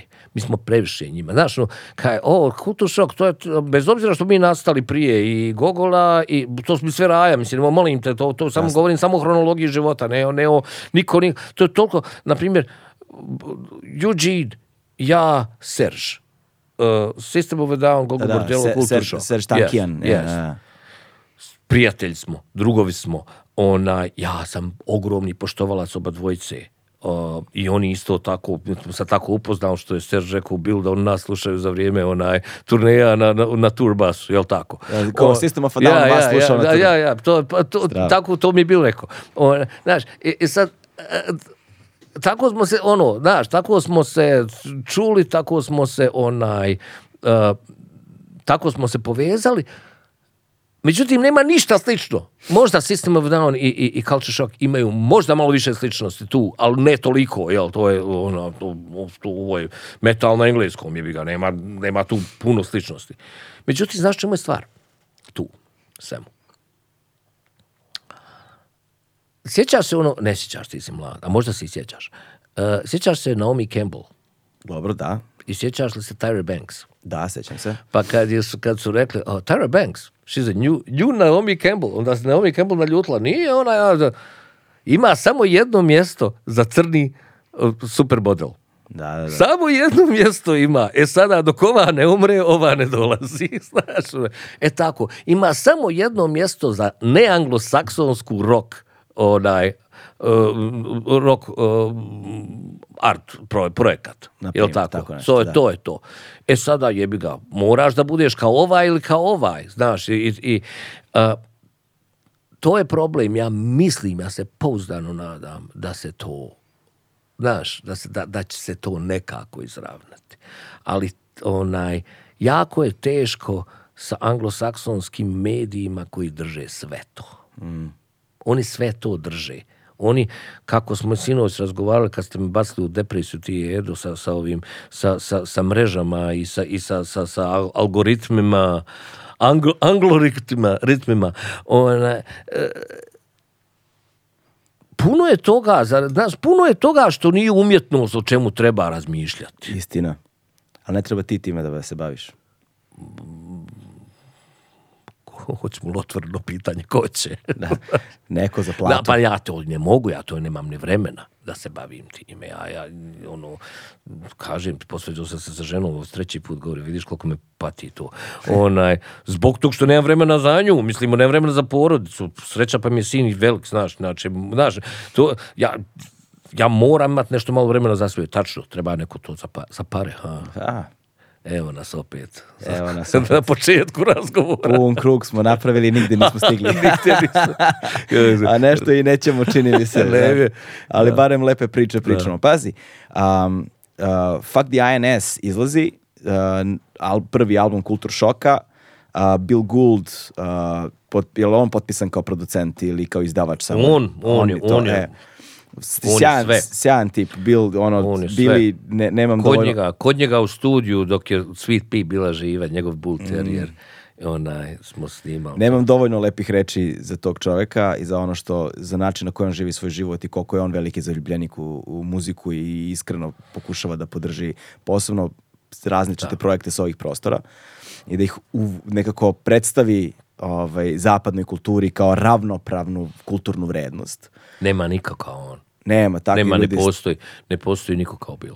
To je Apsolutno. stvarno Ne- ovaj, e, i, i, ovaj, i nažalost i vaš album ima, nažalost ili na sreću, vreme će to pokazati. Dakle, objavljuje se 11. septembra 2001. godine kad se dešava teroristički napad a, u, u Americi i a album se zove Fuck the INS. I onda, Immigration Mislim, to je- Naturalization Service. tako da je, i, da smo pitali, pa što jebote, ti dobio, on dobio se papire. Pa šta znači, ja dobio papire, hajmo sad zatvorit granice, mislim, ono, jel? Da, I ovaj, e sad mene zanima, a, pošto a, dakle, ljudi lome diskove, šalju nazad Da, Billu, da, da, da. Ovaj, preziru vas i tako dalje, zatvaraju vam vrata na tom zapadnom tržištu na neki način, ali kako se vi zapravo probijate a, na međunarodnoj sceni? Koji su vaši prvi nastupi? Koja je to vaša prva publika koju za- zatičete? Kakav je to utisak za tebe kad, ne znam, odeš ne znam, ono, u Sibir da sviraš, jebi ga, imaš Jest. publiku tamo, znaš? Da.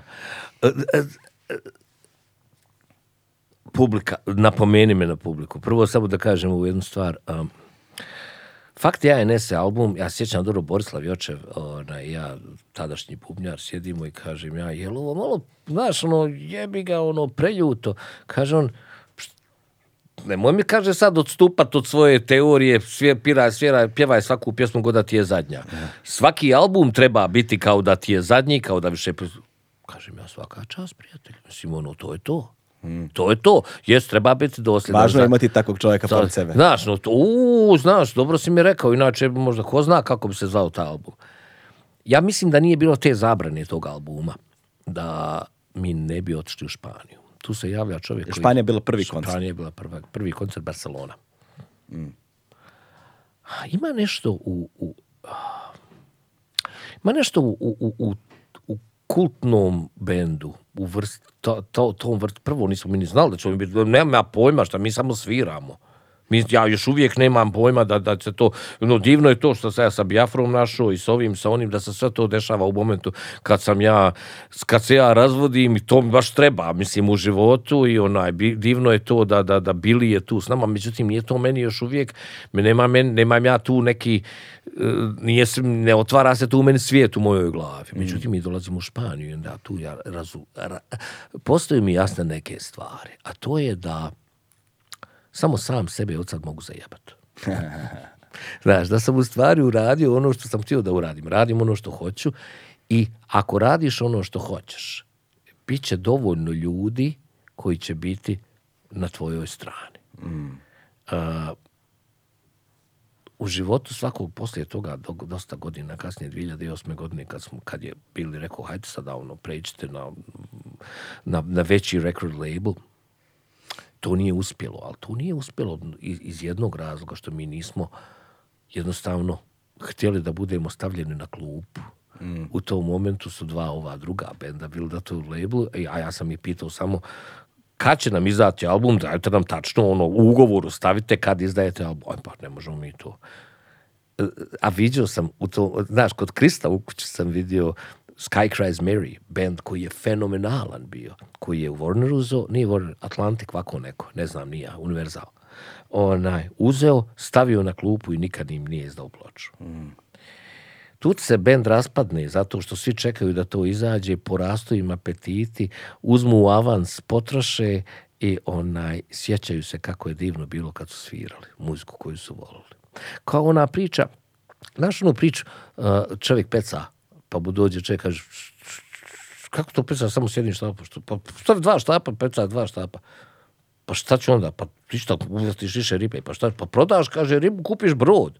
Pa šta će on, pa onda prodaš, znaš, no, dva broda, tri broda, napraviš biznis od toga se, pa šta, pa onda se možeš penzionisati, pa šta ću kad se penzioniše? Možeš u ribu onda. Da. e, to ti je to. Koliko sam vidio bendova, e to je, znaš, svi pitaju kako je ovo, kako, znaš, no, k- grand scena, popularni ljudi, prepoznanstvo s njima, ja sam mnogo više naučio od ljudi koji su umalo postali popularni. Pa nisu zbog želje da budu popularni. Da, jasno mi je. Znaš, e to je to moj, moj basista, Guy, sadašnji, uh, on je svirao sa grupom Sage, koja je bila fenomenalna do momenta dok nisu potpisali ugovor. I, to je, I onda su ostavljeni na klupu.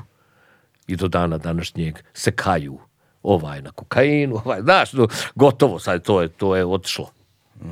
I do dana današnjeg se kaju. E, to se nama nije desilo jer je vrlo važno, jer smo skontali, a ako ništa većina nas, je skontala da ti 400.000 dolara koje je ponuđeno u tom momentu, kad uzmeš pola i baciš u vodu, što je, što je kako se zove, što je porez, a ostalo pola se podijeli na 6-7 ljudi, će biti manje nego za jedno auto. što, da. što svako sebi može da kupi, a ti tu rizikuješ da više nikad ne sviraš sa svojim bendom pod tim imenom. Bez nečijeg odobrenja. Velik, znaš, no, te- puno smo mi u životu prošli, svi. Mi možda nismo svi imigranti, većina nas je bilo, ali ona, mi smo jedina porodica jedan drugi. Mi se volimo najviše na svijetu. Nama je najbitnija stvar da ostanemo zajedno, da, bude- da nam bude lijepo dok sviramo. A, tad u Španiji, pa onda u Njemačkoj, pa onda u Francuskoj, kako je to krenulo, sam shvatio da je onaj, da samo se, sami sebe možemo zajebati. Da je Ali, ali Pažnja, pažnja, pažnja jednog, uh, ja ću zvat generalna publika, ja ne želim da ikoga vrijeđam, govorim Jasno. mainstream. Generalne publike ima, da njihova ljubav ima rok trajanja. Ko mlijeko u frižideru, znaš. Uh, otprilike. Tri, četiri, pet godina, onda dolaze drugi. Onda, znaš, jer nije im to najvažnija stvar na svijetu. A naši ljudi, a neću da ih zovem publika, neću da ih zovem fanovi, naši ljudi će biti s tobom. Daću svoju ljubav, a ti njima sve što imaš do kraja života. Jedinu stvar što treba da uradiš da ustaneš dosljedan sam sebi. E, tada je to krenulo. Ali kako, ste, ka- kako su oni došli do vas? Ko vam je radi distribuciju? Dakle, albumi su se distribuirali ono worldwide kao po u svetu. već je krenula manja prodaja albuma, već je to sve skrenulo digitalno, međutim mi smo imali ke industriju tamo koji su zajebali bila pravo. Baš ono, znaš, uh, pro, pro- uh, uh, distribucija onda imao tu neku holandsku people like you, onaj, people like you, sjećam se jednog, ali on se izda- izdavao bruku neki punk rock, onaj, i sad trebalo je, na, na svakom CD-u trebalo pisati people like you, ima ovaj punk rock band koji su dole na dnu napisali I fucked people like you in prison records. Tako da, onaj, ja, ja, ovo nije, ovo nije ozbiljno, ovo je Jasno, jasno. naravno. A, naša alternativna biznis uh, uh, uh, emancipacija još uvijek traje. Mi, uh, ne samo mi kulturčak, nego alternativa kompletna, je uvijek i uvijek će biti u borbi ali tako je, takva ista stvar u borbi za, za, za distribuciju, u borbi za prodaju i tako dalje. To se ne kupuje. Evo sad u ovom momentu se samo ploče kupuju. Na ploče se čeka osam mjeseci. Osam mjeseci. Znači od momenta kad daš artwork i master, osam mjeseci. I Biafra pita, ne, kako ćemo, šta ćemo, kajmo, hajmo napraviti prostojenje, mi nije ni to lako. Treba postoje, to je manuelna varijanta. E, tako hiljad komada. Pa da vidiš kako će te ruke bolt. Znaš, e, e to su ti... um, distribucija, u- svaka zemlja ima svoju distri- distribuciju. Mislim da smo ovdje sa Dallasom nešto radili. Pera, Pera Janjatović je radio za Dallas. Mi smo imali, još uvijek imamo tu distribuciju, sad kao Culture Shock Records imamo, imamo distribuciju svuda gdje idemo. Međutim, i ta distribucija je kućna radinost. Da. A zanimljivo, šta, šta, šta, e, vi ste jedan od retkih bendova sa ovih prostora koji ima, sa ovih prostora, mislim, vi, vi ste zapravo da, zvukom na neki način, da, Da. kažem, više sa ovih prostora, nego vi ste zapravo bend iz Sijetla, ono, Da, da. nema šta. A, ali e, ti, ti kao čovjek sa ovih prostora si jedna od retkih osoba koja ima tu međunarodnu publiku Mhm. a, koja i imaš ono kad ideš na world tour ti ideš stvarno na world tour Da, jebote, ti da, da. nastupaš po svim kontinentima ti po svim različitim zemljama različitim govornim Da. Područjima, različitim kulturama, različitim ono, psihološkim profilima, jel Mhm. te? Ali je muzika ta koja spaja. Kako često govorimo, Mhm. ako slušamo istu muziku, nismo stranci. Ljudi su svi isti. Ljudi svi isti. E sada, kako je to iskustvo te međunarodne publike a, i recepcije vaše muzike kada odlazite na te tako drastično drugačije kulture? Ajde, Evropa je jedno, ali, Mhm. znaš, Azija, na primjer, ili, znaš, taka neka udaljenija mesta, kako, znaš, Ja mislim da je još, još ljepše. Još ljepše ako ne razumiju ni jedno. E, kako muzika ima svoj izraz, tako i riječi imaju svoj izraz, ali isto tako onaj, ne moraš ti da razumiješ sve jednu riječ da bi slušao. Na primjer, slušali smo grupu Who, Who Band, jel tako? Iz, e, e, ništa ne razumiješ, ali nema veze. da. Ne, nije, nije važno. Ona, energija je mm, veoma veoma dominantna stvar u, u- ljudskom djelovanju. Ja mislim da, da se to... um, mi imamo tu sreću da imamo ljude koji su istomišljenici s nama i koji, onaj, koji razumiju određene vrste tekstova, onda poslije toga se informišu i googlaju, ne znam ni ja, Da, da. i razumiju druge vrste tekstova. To mene ne, onaj, ne ograničava, ani ne...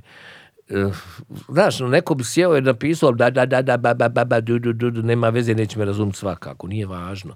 Ja to radim zbog sebe, ja se potrudim da sve jedan tekst koji napišem, a, da ja u njega 100% vjerujem i, i da mi ne bude samo a, odraz mog odraz, o- odraz onoga što, o čemu razmišljam u tom momentu, nego da, da, da artistički sam sebe zadovoljim sa arhaičnim riječima koje... Ali ono što je zanimljivo također jeste, vi ste zapravo postali ono to internacionalni hit u, na naj, u, svuda ste svirali i već, u tom trenutku već ne znam od 2001. do 2006.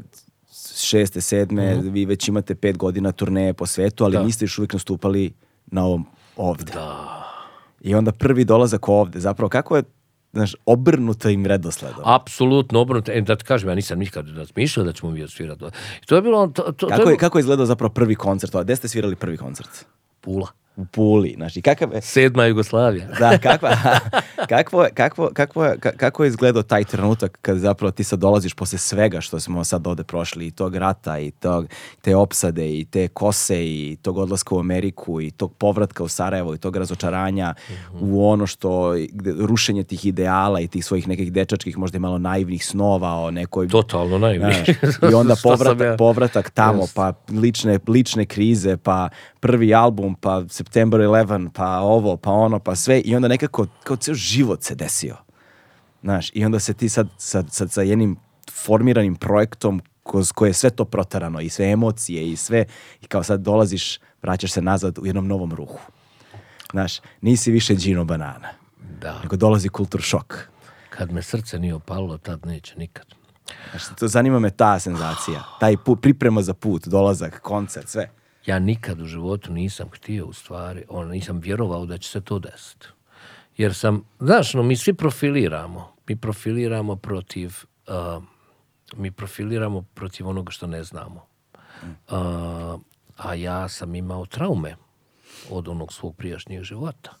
Ja sam imao traume tih kritičara, raznoraznih kremera, znaš, no, da te nagradi, samo da te nagradi, znaš, no. I rekao sam, ko će, ne mogu ja to više. Ono, e, razlog što mi ne sviramo sve na engleskom je nije, nije taj da bi se prodali negdje drugo, nego zato što tako to pjesma želi i zahtjeva i bolje zvuči tako dolazi poziv od moga druga, tu se ja dru, družim se, i ja odemo onaj, da radimo nekakav njegov film i up, onaj, upoznam se ja sa Vavom, gitarstom grupe Laufer. Uh, I Vava tu mene, poslije go, mnogo godina se družimo, di, ono, jedno divno druženje, jedan od mojih najboljih prijatelja. Vava, Vava ti je imao na Radio Rijeci, onaj, emisiju koja se zvala Dž, Dž, Dž. Znaš šta to znači? Naravno, da. E, znaš šta, Rijeka, jedan veliki Najbolji, za Rijeku. najbolji grad, Na- jedan od najboljih, ako ne najbolji grad ovaj, u bivšoj Jugi, to je ono, ka- kakva meka, ono i panka i svega. Apsolutno. I sad, Vava zove mene na telefon, ne, ono, pišem, ne znam nije šta je to, već je to internet. Uh, moj imam prijatelja, zove se Brada, Branimir Sljepčević, ali mi ga svi zovemo Brada i on pravi Art and Music Festival u Puli i on bi želio vas da ima u Puli. Kažem ja, Vava, dragi, onaj, ti znaš da ja sviram ovu... A, u, a da, u tom momentu Bili mi kaže da onaj da je on u Beogradu pričao sa nekakvim ljudima iz nekakvog rock magazina ovdje koji se kao nećemo mi to, mi ne volimo turbo folk. To, to mu je kao kultur šok kao turbo folk i on to ne vole. A, mi znamo tog frajera, mi to, mi to nećemo. Jel? I bilo je rekao, znaš šta, ne, ono, da, jednostavno ne kontaju, ne žele da kontaju, ljudi bi možda i kontali, ali znaš, no, bez medijske podrške nećemo da radimo to. I znam, kaj me, ja sam pomirio, kaj me, super, i ne treba, nemoj, molim te da to radimo, nema problema. Ona, ko će sada njima obje... ko- šta ću ja sad njima objašnjavati? Mislim, ono, ne, ne, pada mi na pamet, baš mi je lijepo ovako. Tabak sam se utarsao od toga, ono, ako, mogu, ako ne mogu mamu da vidim, bar, bar ne moram njih da gledam, Da, da, da, znaš, da. ono, šta ću. I ja tu vrlo skeptično šta je, kako je, kaže, ono. I u tom momentu počinju da izlaze neki članci na internetu, kako smo mi dobar bend, kako što mi ne sviramo na zapadu, još neko je objasnio zato što na, na, na istok kod nas, da što ne sviramo, o, da, da ono jednostavno to je drugačiji bend i tako dalje i kažem ja, ma hajde da. Znači šta ja znam, kak, ono, band kompletan, ono, sjedi Mario i ja gledam, a Mario je bio u izbjegličkom kampu u Puli. Iz, iz Brčkog kad je došao. Jo, Mario kaže, meni se pravo ide, hajmo, kaže, mi meni se ide, ali ne znam, ako ima mjesto u, u bivšoj Jugoslaviji da će nas shvatiti, onda je to Istra. Tako je. Ono, znaš, ako ima, ako postoji mjesto na kojem nam neće profilirati ko smo, šta smo i tako dalje i shvatit će ko, šta mi radimo to u stvari. Znaš, ja sam se vrlo, kasnije sam sa Milanom pričao, u vrlo spec, na, na vrlo drugačiji način sam se našao u istoj poziciji koja je Lajbah kad je krenuo. Trebalo ih je shvatit a ne prihvatiti da je to fašistički bend. Znaš, ono, E tako, na vrlo drugačiji način, ono, trebalo je shvatiti zašto, kako, gdje, zašto ja to radim, da, znaš, no.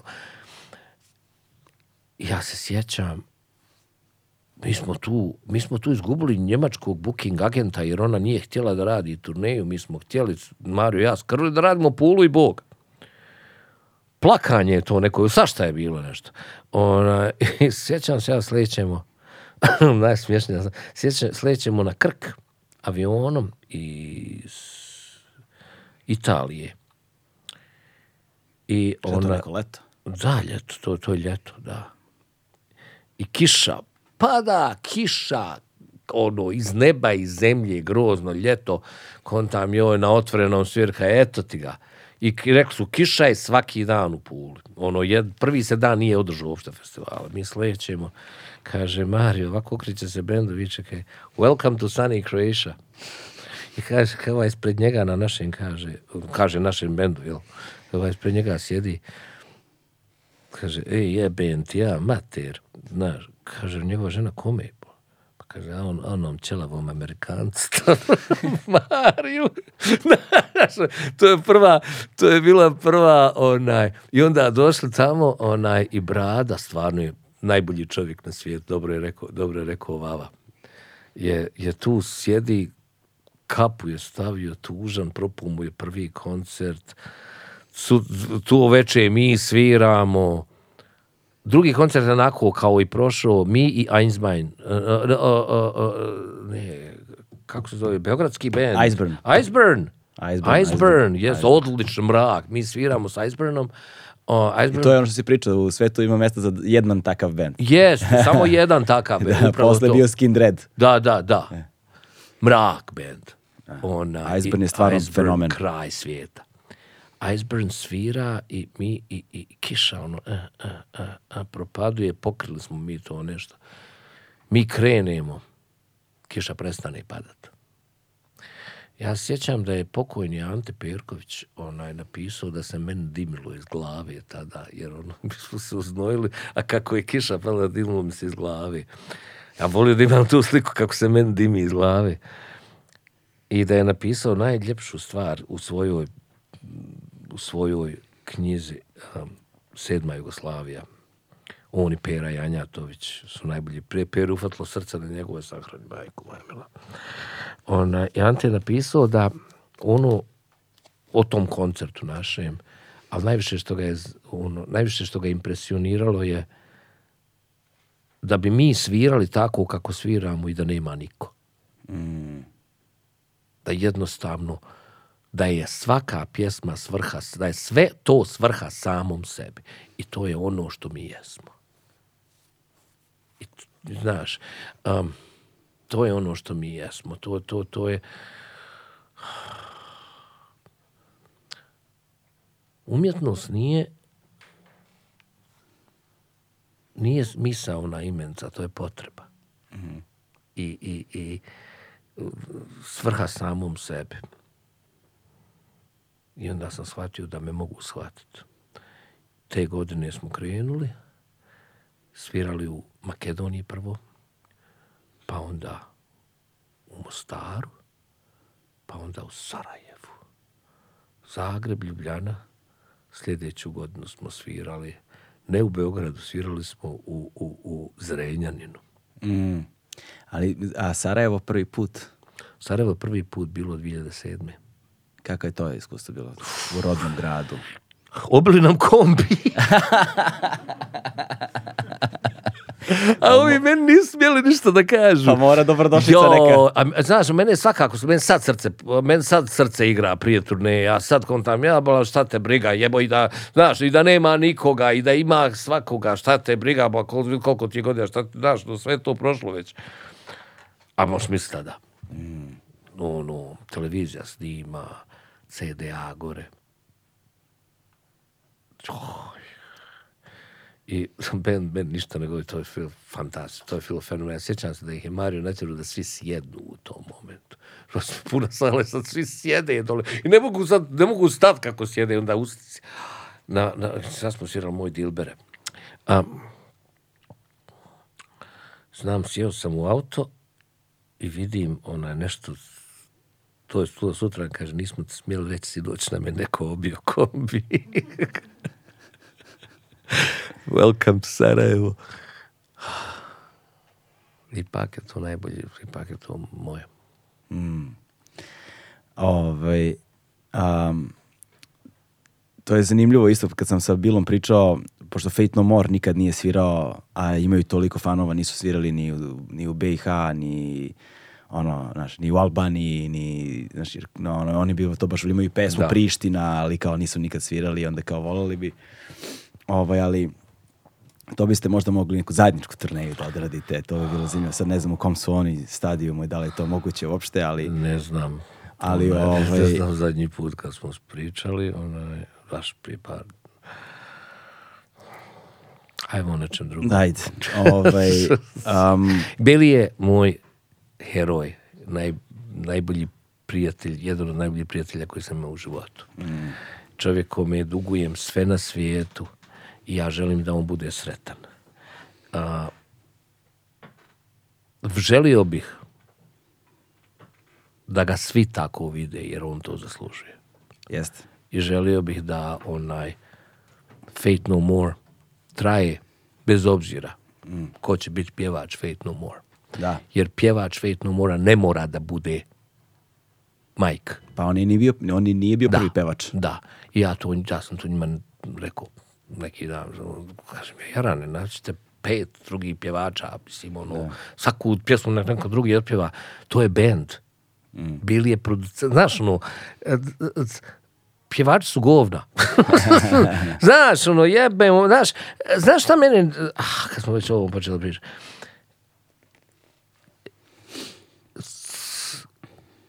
Znaš što se mi volimo sa svojom publikom? Sa svojom rajom? Zato što se oni ne stide ko su. Niti se mi stidimo ko smo. A, znaš li zašto mi nismo svirali u, na Balkanu dugo vremena? Zato što meni pun kurac balkanskog kompleksa. Svi su bolji od nas.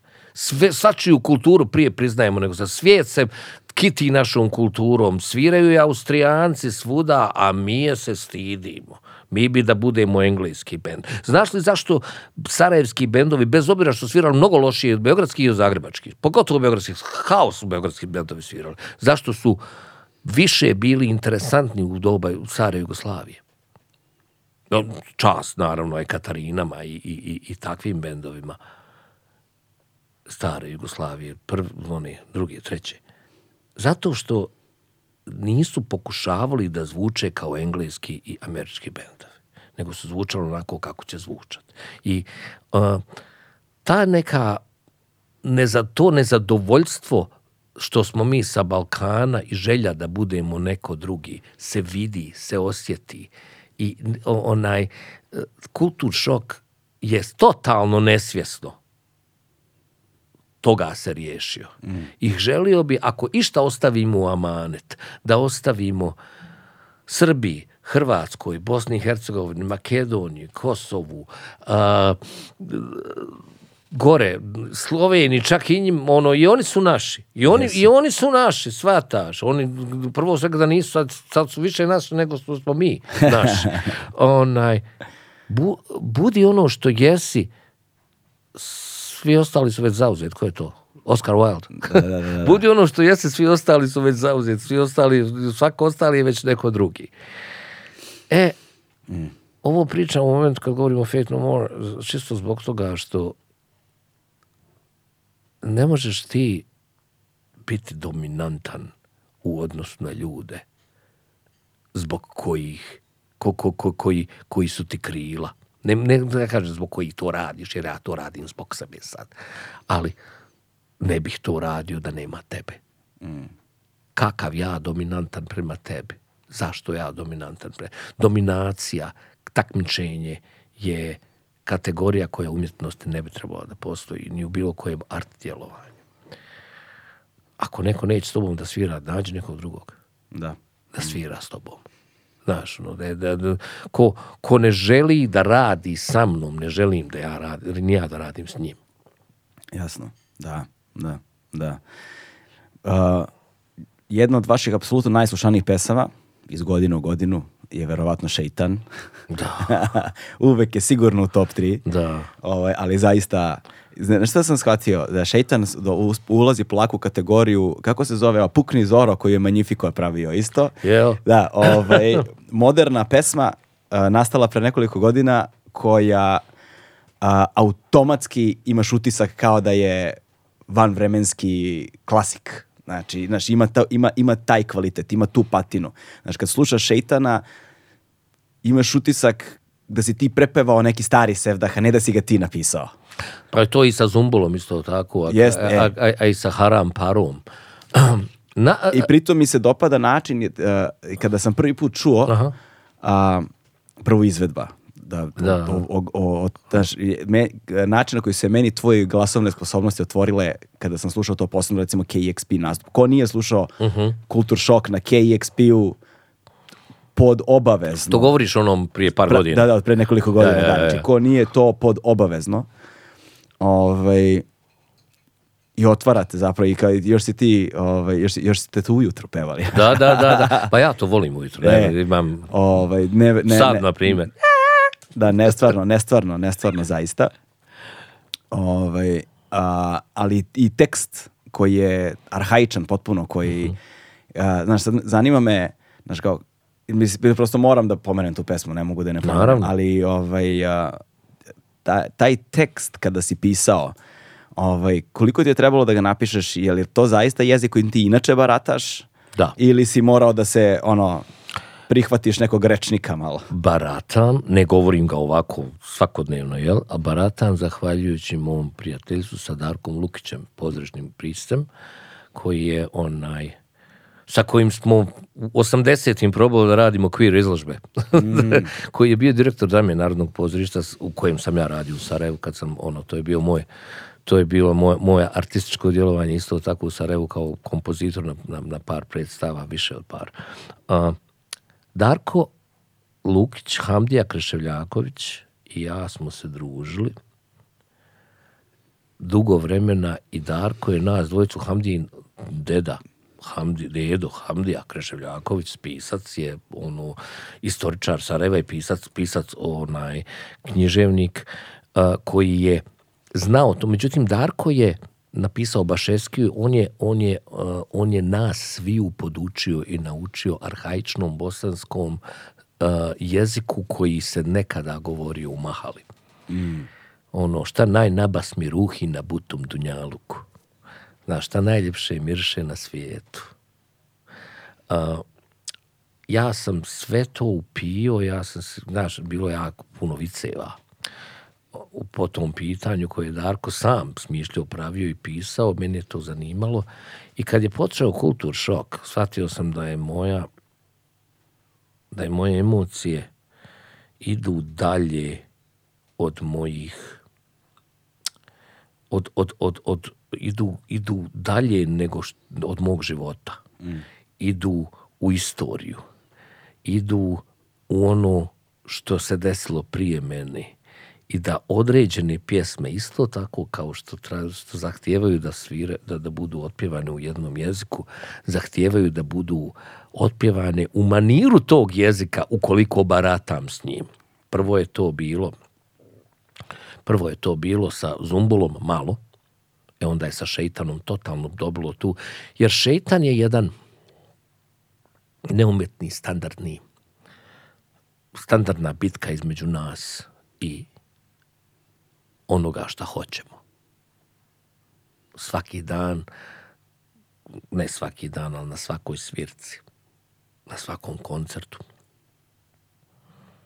ja bih pristao da prodam dušu šeitanu, da taj koncert prođe onako kako ja hoću. Da. Da ja uradim sve ono. Meni je ishod te pjesme važniji od moje duše.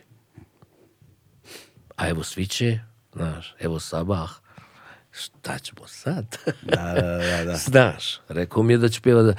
A, to je istina, to je sve istina. Onaj, ja mislim da ta pjesma ne bi dra- ja strašno mi je drago da onaj da, da ti to primjećuješ, da, da ne samo ti, nego da se to primijeti.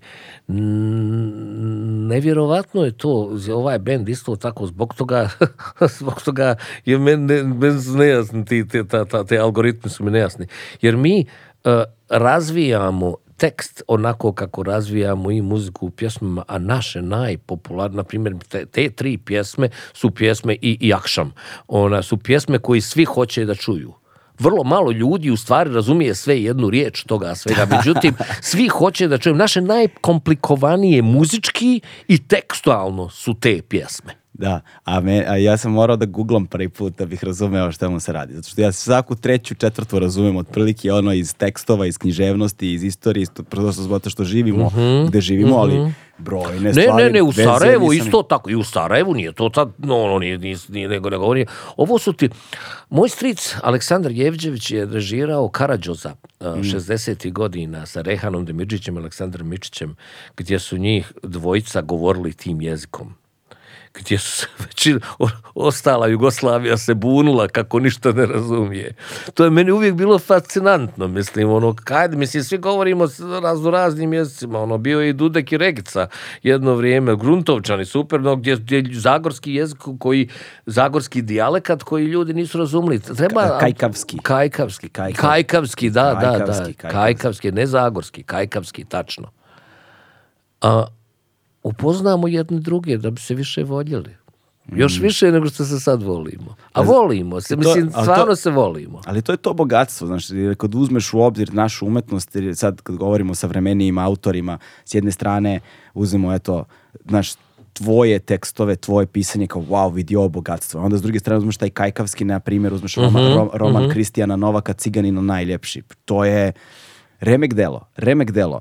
Ako je opet zahteva, iako je naše, opet zahteva i trud da bi ga razumeo. Da, i, i, i čak kad posudiš nešto, neki dan sam skontuo da sam ukro ide, ideju vodlju, vodlju Edi od ove jedne pjesme. Ja jo, ja sam zajebo. I, sa- i, znaš, no, isto tako, ono, kad čuješ nešto i pročitaš nešto i želiš da, da a, i želiš da to ovjekovječiš. Ako nije tvoje, priznaj. Mislim, ja sam pročitao Mešu Selmovića i napisao sam Tamni vilajet. Nije to njegova pjesma, to je moja, ali ne bi je bilo da nisam pročitao Mešu Selmovića i da nisam riječ po riječ istumačio i rekao šta je, kako je. I to se treba reći. To se treba, tu se treba jedno poštovanje dužno odati. Jer kakvi smo mi umova i kakvi smo mi umjetnika imali u našoj istoriji, mi svi, onaj, ako učimo i samo nastavimo dalje,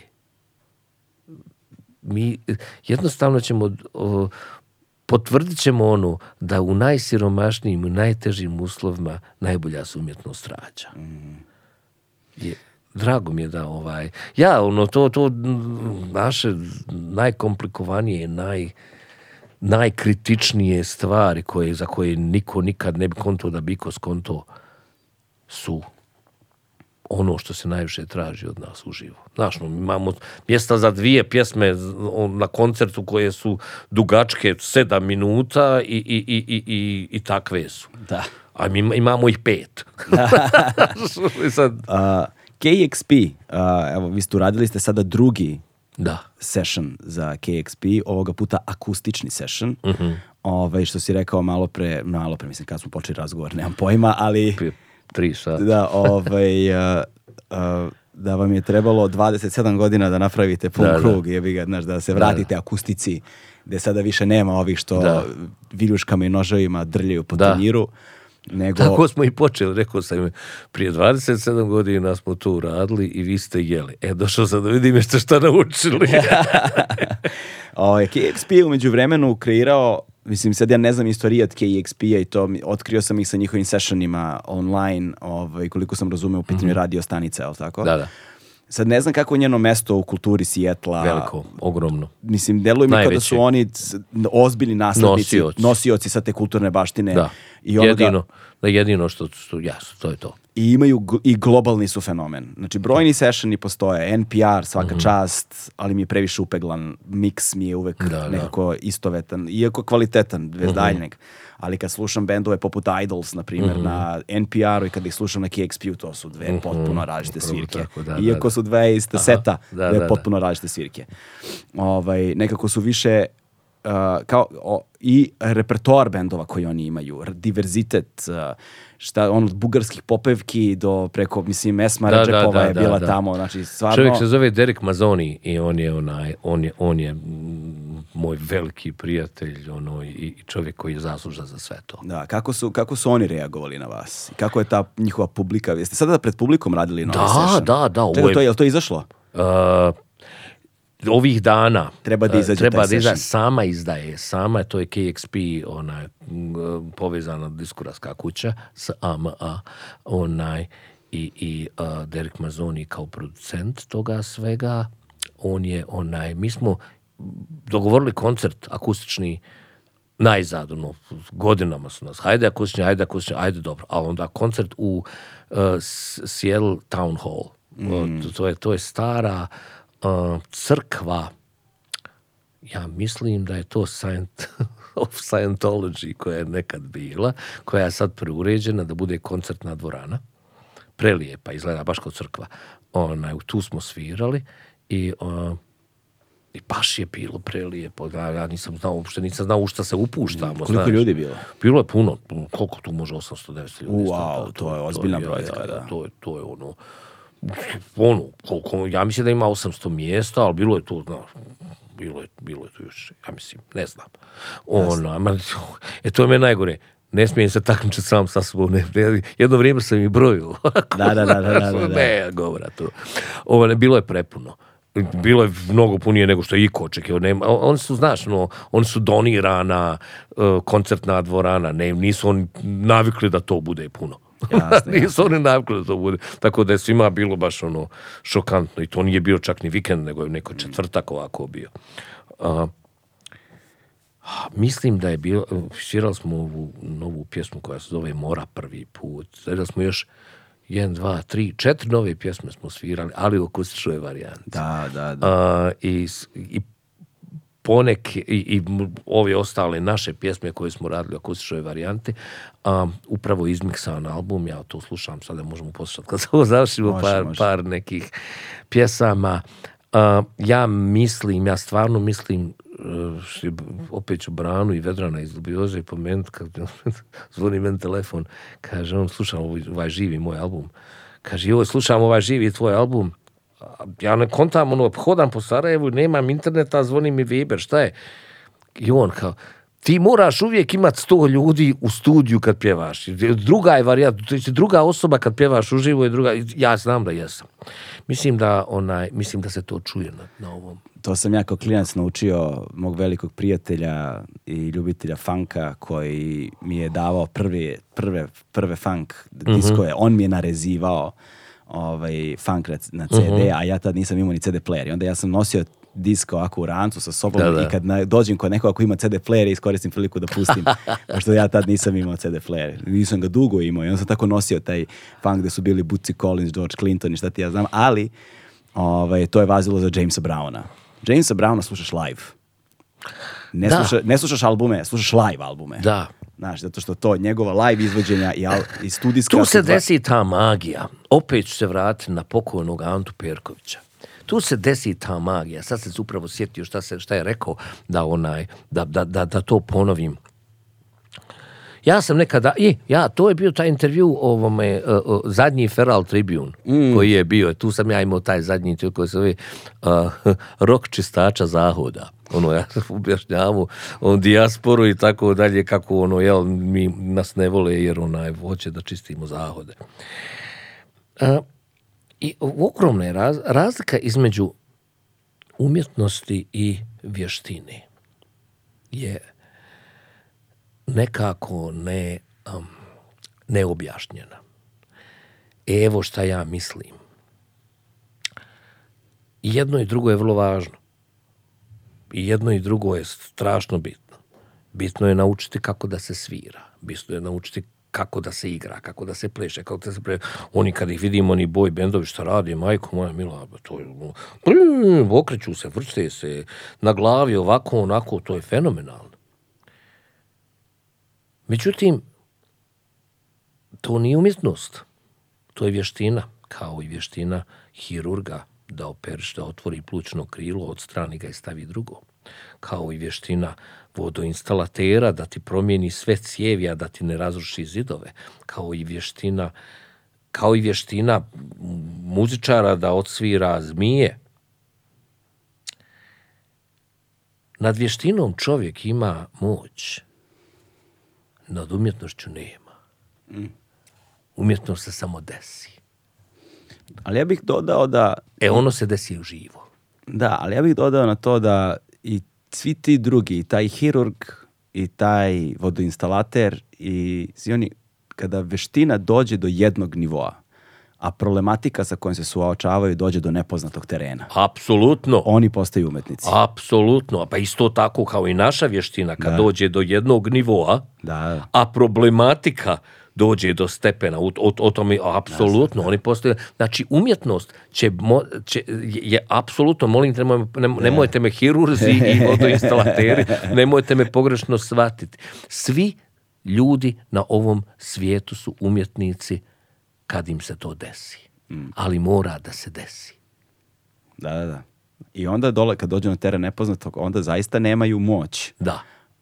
Ali kanališu nešto. Neki to zovu Bog, Da. ali ja bih to stvarno zvao, ja bih to zvao energija. Da, i imam neke divne prijatelje koji su izuzetni u svojim oblastima.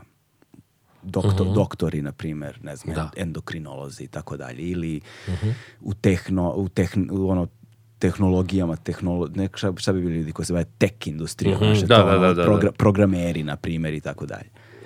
Ljudi koji se bave ra, najra- raz- najrazličitim oblastima. U nauci, u, do fizičarima i matematičarima, da ne govorim. Da, da. I oni svi kad dođu do jednog nivoa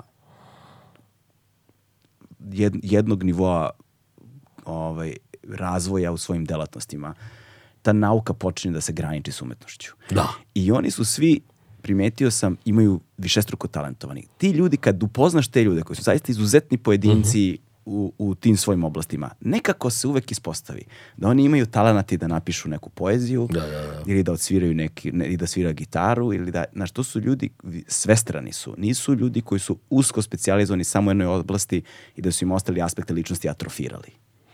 Nego nekako njihov, njihovo polje interesovanja je strahovito široko. I inspiraciju za ono što rade vrlo često nalaze u umetnosti i u drugim stvarima. I čini mi se da i religija, religioznost, on individualna, neorganizovana religija kao tako, a, verovanje u stvari, neka vera nazovimo je. I profesije u tom aspektu i, umet, i, mu- i umetnost u tom aspektu. Svi oni kad dođu do jednog nivoa se negde sjedinjavaju u nečemu nepoznatom, ne, ne- negde svi dođu na istu ravan.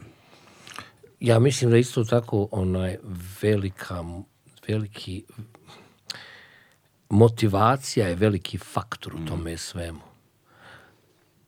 Da umjetnost ona možeš biti inspirisan, ali ne motivisan. Motivacija je motivacija je ono što ti očekuješ kad to završiš. Što, što se tiče uh, umjetnosti u bilo kojoj profesiji. To mi se svidilo kad si malo pre, ne znam, nekom trenutku razgovoru rekao, a, kada, si, kada si se transformisao, kada je kosa počela, kada si rekao sada sam srećan na početku, a ne na kraju. Da, veliki moment u mom životu. To je, da, to mi, je, to mi se jako veliki svidjelo. moment u mom životu. Ja sam, jako, moja anksioznost počinje na tonskoj probi, stvar ulasku u grad. Ja hoću da se, kad ulazim u taj grad, to će biti vjerojatno i sa Beogradom, ja hoću da se ubijem. Majke mi mili, ja hoću da idem da spavam. Ja, ja, ja, ja. To se kulminira sa tonskom probom, gdje ne želim da pjevam. Ja, moment izlaska na stage je najljepši moment na svijetu. Po izlaska. Silaska. e. Ne, toga se i ne sjećam više. Znači, ja mislim da je to va, da, da razlog toga jeste što ne postoji zadnji cilj. I znaš šta mi se još svidjelo? Želim ne, malo više o tome. Jer to je nešto što sam i sam počeo da prepoznajem, naravno ne u, na, nažalost nisam, nemam umetničkog dara da, da budem umetnik. Imaš. Iako sam održan. Ali, ali um, ima nečeg čudnog što te tera dalje. Jer nakon kad osjetiš sve to, a te si rekao i sam, ma, si napomenuo i zato mi je to zanimljivo, praznina koja se osjeti posle. Dakle, u trenutku kad završiš neku stvar veliku koju si uložio trud, koja, koja te je plašila, koja je izazivala anksioznost, koja si osjećao ono, ti se želudac prevrće, ono, ja, ja, ono, počnem da zevam, spava mi se u- od straha kakva me monstruozna ono, odgovornost čeka. I onda kad se ona desi, imaš ono kao da ti neko pao, pao kamen neki ogroman, ono e, oduševljenje, ta, ta neka, ne znam, ono, sve moguće endorfini, dopamini, sve se luči, tvoji, i kratko, kratkog je daha. Vrlo brzo ostavljam to iza sebe i onda osjetim ogroman pad, ogromnu prazninu. I jednostavno, kao da me ta praznina tera kao neka, ne znam, zavisnost. Moram po- da, Da, ponovim stvar To je to. da to bih izašao iz ove muke. Upravo to. Most na žepi, Ivo Andrić, Neymar je završio sa svojim mostom, pogledao ga je, okrenuo se, uzeo komad sira, komad hljeba i krenuo naput. Nijednom se nije okrenuo da ga pogleda. To je završeno. Idemo dalje. Ja, uh, imam ja tog svog šeitana. Neću ga zovem šeitanom zato što mi šeitan pomogao par puta, pa neću da šeitana uvrijedim. Onaj, ali demona koji je on iz onog prijašnjeg života, pričat ćemo to, o tome je film. O, kome, ja, o, o tome je film. Film nije o, o- ne želi, ne, niko nije vrijedan, nijedan muzičar nije vrijedan da bude o, o muzičaru i o muzici film. Ja. taj demon mene uvijek tjera da se takmičim sa samim sobom i da gledam. Znaš, uh, htio sam da htio sam na kraju da, da, da, ono, da sa 60. svoj rođendan da se Aj pričat ćemo o filmu, od početka, od početka možda pričati o tom. Onaj. Pa, hoćeš sada ili... Može, može. Zato, Mogu li u WC otići prvo? Može, naravno. Ajde, ajde, ajde. e, evo nas nazad. Vreme je da govorimo o filmovima. Movima. Odnosno, dakle, koji ćemo prvi? A, ajde, ajde prvo ovo što je kraća priča. Jest, E, jest, ovaj, jest, jest. Dakle, kakva je veza između tebe i Bona? Ljubavna. Kad kažemo bo, Bona, mislimo Bono YouTube. Onaj, ne, ne znamo se mi, ali eto sad smo se upoznali. Ja sam trebao da... Ja, um, pozvali su me da učestvujem u tom, uh, da, da me intervjušu za film um, Kiss the Future. I uh, ja sam se odazvao pozivu. Uh, to su bile... A to je film? To je film, jeste. To je film o, o YouTube dolasku u Sarajevo i o njegovom, njegovom, a, njegovom, u stvari o ljubavnoj priči između moja, ja ne znam njega, niti znam ju, u tom momentu ni YouTube, ali ja imam svoje prijatelje Vesnu i Senada koji su se vjenčali u tom momentu i priča je o tome i o njihovom paralelnom dolasku YouTube, u ljubavna jedna priča i ratu u Sarajevu i sceni u Sarajevu, punk rock sceni u Sarajevu o, koja se dešava za vrijeme rata. U principu priča je o, oni su je napravili, o, pri- priča je o umjetnosti koja se dešavala u Sarajevu za vrijeme rata i što je onaj, o čemu smo ti i ja sad ma, u- u- malo čas pričali kad sam ja govorio o tome kako je čovjek slikao u pećinama i to je to. Je to. A, ja sam se odazvao tom pozivu i Nena, taj režiser, uh, je, on je Slovenac mu je tata, a majka mu je Amerikanka, on je hollywoodski režiser. A, je to jako lijepo napravio. Na kraju sam ja to vidio da, on, da su on to jako lijepo složili. Nisam znao u šta se, ula, u, u, u, u, u šta se upuštam, ali sam skontao da su to moji prijatelji, ja treba nešto da kažem o njihovoj ljubavnoj priči. I ono, i kompletno su me zamolili da, da kažem nešto o Sarajevu i šta se, ona, šta se dešavalo za vrijeme rata u Sarajevu. I ja nisam bio na koncertu YouTube, ja sam tad bio u Americi, mm. uh, ali, ali uh, o Sarajevu otprilike. I to se uradi i na kraju ja budem u tom filmu, onaj, dobar dio tog filma. Iskoriste moju priču i moj, moj intervju. Ja Bona ne znam, međutim trebali smo da se nađemo u Berlinu ne s njim, nego sa kompletnom, nisam ni znao da će on biti tu, uh, u, u Berlinu za vrijeme promocije tog filma sad na Berlinskom festivalu. Moja žena imala mali hiruški zahvat, oralni i onaj oralne hirurgije, isto tako ima sad taj neki MDDS, onaj poslije izlaska sa broda, tako da ja jednostavno imao sam nekih porodičnih obaveza i nisam mogao napraviti ništa da, da bi došao, da, da bi se pojavio u Berlinu na, na tom festivalu. Međutim, jedan dan mi dolazi pismo onaj, od nacrtano pismo, na, moja slika, moja nacrtana u kojoj mi Bono kaže da su me da sam im nedostajao tamo i da onaj da sam ja istinski romantičar rock'n'rolla, što je divna stvar, mislim da se čovjek potrudio. I sad od tada smo u kontaktu i mislim da ćemo se vidjeti sada na Sarajevskom filmskom festivalu i to je to, a mi, znaš, no ne znam sad, uh, Znaš šta, što se tiče svega toga, uh, ona mnogi sada nešto prozivaju kako se on malo i previše trudi za ljudska prava ja bih samo poručio svim tim ljudima, bez obzira na Bona ili, ili bilo koga druga, zar se čovjek stvarno može previše truditi u ljudskim pravima? Znaš, zar, zar ljudska, to isto kad ljudskih prava ima koliko god hoćeš, a onaj, a, a, a, a, a eto ti sad, i to što ti radiš nije potrebno i kao da imaš neka, znaš, no, ka, kao da je to neka self promocija. Mislim, mogao bi on isto tako da, da, da, da, da, da gleda filmove kući i utakmicu. Mislim, mogu, mogu, mogu ljudi, šta to treba ljudima u životu? Mm. A, međutim, ja mislim da kad bi se mi svi malo više potrudili za ljudska prava i, i, i kad bi nam to nekako bio, bi bila ideja vodilja da, da bi svijet bio mnogo ljepši. To nas sad navodi na to nas navodi na vode, to nas navodi na vodenicu, slušaj mene. Mm -hmm. Dakle, to nas navodi sada na priču, ovaj a, koja nema veze sa ovim drugim filmom, pa ću da zamenimo samo da, da. samo zamenimo teme, redosled u razgovoru. Kad smo već kod ljudskih prava, onda nas to vodi na tvoje na novi single Kultur šoka, koji je izašao pre pa kada sad sam bio video link na Bandcamp da, tri dana. pre, pre dva, tri dana, ja. tako je, to. Ovaj, a koji opet ima dodirnih tačaka sa situacijom u Banja Luci trenutno ovaj, i sa, uh, sa, sa pozicijom uh, LGBT osoba i njihovih prava ili nedostatka tih prava i onime što se dešava tamo. Uh, I da će tvoja pesma zapravo biti i deo, mislim, da ne pričam ja čoveče, da, ti. Ajde, ajde, da, ajde, da, da. O, da ti kažem. Uh, kultur šok sam po sebi, mi, mi, mene je prosto nekad strah pjesmu napisati. Ono, znaš, vrlo često mi nešto kažemo i to se desi. Mm. Build a wall.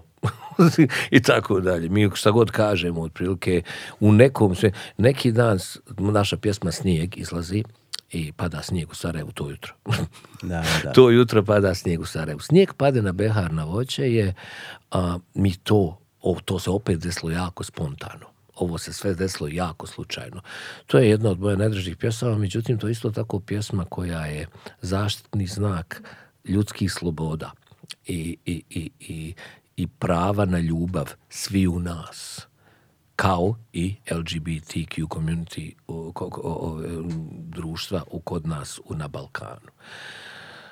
Jedne zajednice koja je nama poklonila samo ljubav, a mi smo njima samo patnju. Bez ikakvog razloga. Uh, ja sad u ovom momentu, znaš, u ovom momentu mi ćemo darovati tu pjesmu njima i, i, i sa, sa, sa nadom da nekako, na neki način, ova... Ma ne obraćam se ja, ne obraćamo se mi ljudima koji to ne shvataju, ne žele da shvate i budalama koji misle da je to zarazna bolest. Mi se, niti se obraćamo ljudima koji su isto mišljenici s nama. Mi se obraćamo ljudima koji znaju u čemu se radi, a šute. Iz nekog straha, u toj nekoj tihoj većini, većini koja šuti. Šutanje je saučesništvo u, u, u zločinu. Ovo su opasna ramena da bi se šutalo. Nego, nego svi da smo pričali o tome kako ono, podijelili smo, ja, ja sam podijelio onu svoju iskonsku reakciju, ono, ja, neki dan mi srce me zabolo i moja žena i ja smo se sjeli i, i ja sam samo nešto rekao na internetu, o tome sam pričao i rekao da, znaš, no, sila nije strah, sila, sila nije, sila nije snaga, sila je slabost, sila nije hrabrost, sila je strah i, i čega se u stvari bojimo samih sebe, mislim, vjerovatno oni na drugoj strani sile možda se sami sebe i boje. To je, a, naravno, ja sam to podijelio sa svojim prijateljima i baš na Medone, sinoć reče kako su, kako imao jedno, da ima jako puno ljudi koji su naravno složili, velika većina, međutim da ima drugi ljudi koji govore kao što bi ti, kako ono reče, što bi za, kako ono reče, zaštić... Uh, uh, Nešto šta će ti to u životu, šta u će karijeri, ti to tako nešto. u životu, Šta u se- karijeri Da. i onaj... Šta se petljaš s time, šta šta ti se to... petljaš s time i zašto kao onaj... Za, zašto, zašto, se, zašto štitiš ljude koji štite kao medvjede? Koji su zaštićeni, kao. Zaštićeni kao medvjedi. Ja sinoć razmišljam o tome i kontam, medvjede štitimo, a ljude ne štitimo.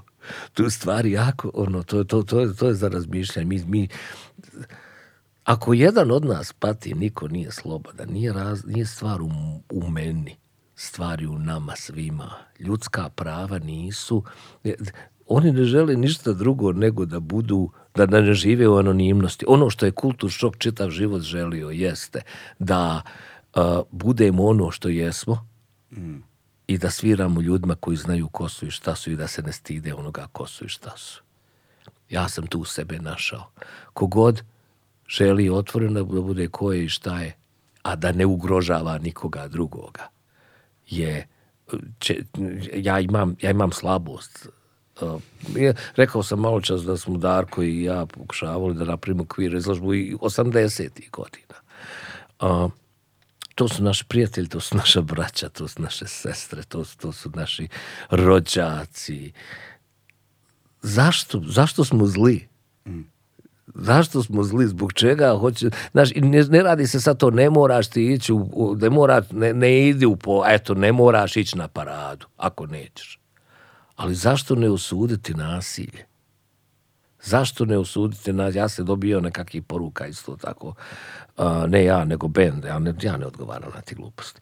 A, kao, znaš, a, rečeno im je da se ne okupljaju, da će ih napasti. Znači, mirni skup građana se zabranjuje da se ne bi iznervirali nasilnici. Znaš, to nevjerovatne su to stvari i- ja ima još jedna varijanta kao ono uh, isprala ti je Amerika mozak. Ja, znaš, nije, nije Amerika u pitanju. Ja sam isto tako mislio 80. godina u Sarajevu i uvijek ću tako misliti.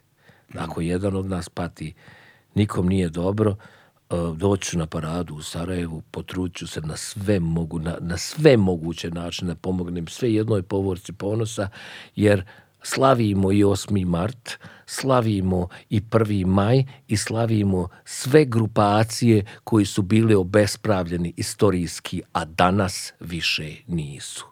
Na moje prijatelje, LGBT koji samo žele da budu ono koji jesu je sada red i njima treba pomoć. Bravo. Nemam ništa da dodam To na to. što si rekao. Um, I još jedna tema nam ostaje, ovaj, pa možemo nastaviti za drugu. Izvini, imam još jednu stvar da kažem o tom svemu. Ono, znaju svi moje mišljenje, iako ne znaju reći ga ja sam. Ja bih volio nekako, a ja mrzim apele i tako dalje, ali ja kad kažem nešto, ah, govorim, znaš, no, preaching to the choir, govorim Mm. ljudima koji se istomišljenicima, je li tako? Mene, ne znam hoće li me oni koji se ne slažu sa mnom generalno ču- čuti i poslušati i tako dalje. Ali na moje prijatelje iz, iz gen- koji se obraćaju generalnoj publici, iz mainstream industrije, je red da se jave, da se oglase. Jer ako oni nešto kažu, mnogo će više vode pit nego ako ja to nešto kažem. Da, da. To je to. E, da, to je to. To je, to, to je zato ja poštujem Bona. Znaš, Da, da. ljudi iz mainstream industrije, ako, ako oni nešto kažu, oni onaj, oni u stvari imaju to, ima mnogo veću težinu nego od nas. Ne- Nego, nego mi neću da ih prozivam sada, Mm. Jasno, znaju, znaju ko su, onaj, hajmo malo. Ima smisla. Što moramo biti Edo i ja i Dubioza. Da, da, ima smisla, ima smisla. Ovaj, Grandpa Guru. Ja, Grem, šta je Grandpa Guru? Reci ljudima šta je Joj. Grandpa. Ko je Gre, ti si Grandpa Guru? ja sam Pa, gu- Grandpa Guru. Zašto Grandpa Guru i kakav je to projekat? Ja sam uvijek bio onaj, meni je uvijek bilo strah toga da, da ne budem stari roker. Čovjek koji ono prebacuje kosu na ovu stranu, ono, a, pokuša, znaš, u, u kući je velikog brata jer onaj ne želi da ne bude na televiziji više i tako dalje. A, tako da sam se prozvao deda, deda guru prije nego što to guru, to, to su rad, onaj, e, uvijek sam imao strah, a, to mi od mame došlo, strah od tih nekih kultova i od, od tih nekih, a, imam bend koji se zove kultni bend, od tih nekih kultova i od, od, od tih nekih sekti, tako da su to u stvari dva, dva straha pomiješane čine jednu hrabrost, grempa guru. A, sad ozbiljno, jednog dana je došao Sanjin Hasan Efendić, zagrebački producent koji je nama organizovao koncert u Zagrebu i pitao me da li bi ja bio zainteresovan za film o meni i onaj o životnoj priči. Ja sam mu rekao da ne bi, zato što mislim da o, nije moja životna priča uopšte toliko bitna, niti sam ja toliko bitan i na kraju krajeva za sve ono što sam uradio pomogli su mi drugi ljudi kao i svima. Sve što smo napravili u životu, sve su nam drugi ljudi pomogli. Nikad ništa nisi sam uradio. I onda rekao, upravo mi to treba, znaš, ta, ta, ta, ta vrsta konverzacije. Onda pusti me da malo razmislim. I onda sam ja to malo razmišljao i razmislio. I, i, i, i skontao sam, i onda sam ih pozvao njega i Silvija ovoga reditelja, da smo pričali, onda sam ih pitao, hoćete li vi stvarno istinu o tome svemu? Ono, hoćete li da vidite s čime se ja stvarno borim svakog dana svojim demonima i, i, i, i, i u svom životu? Kao hoće.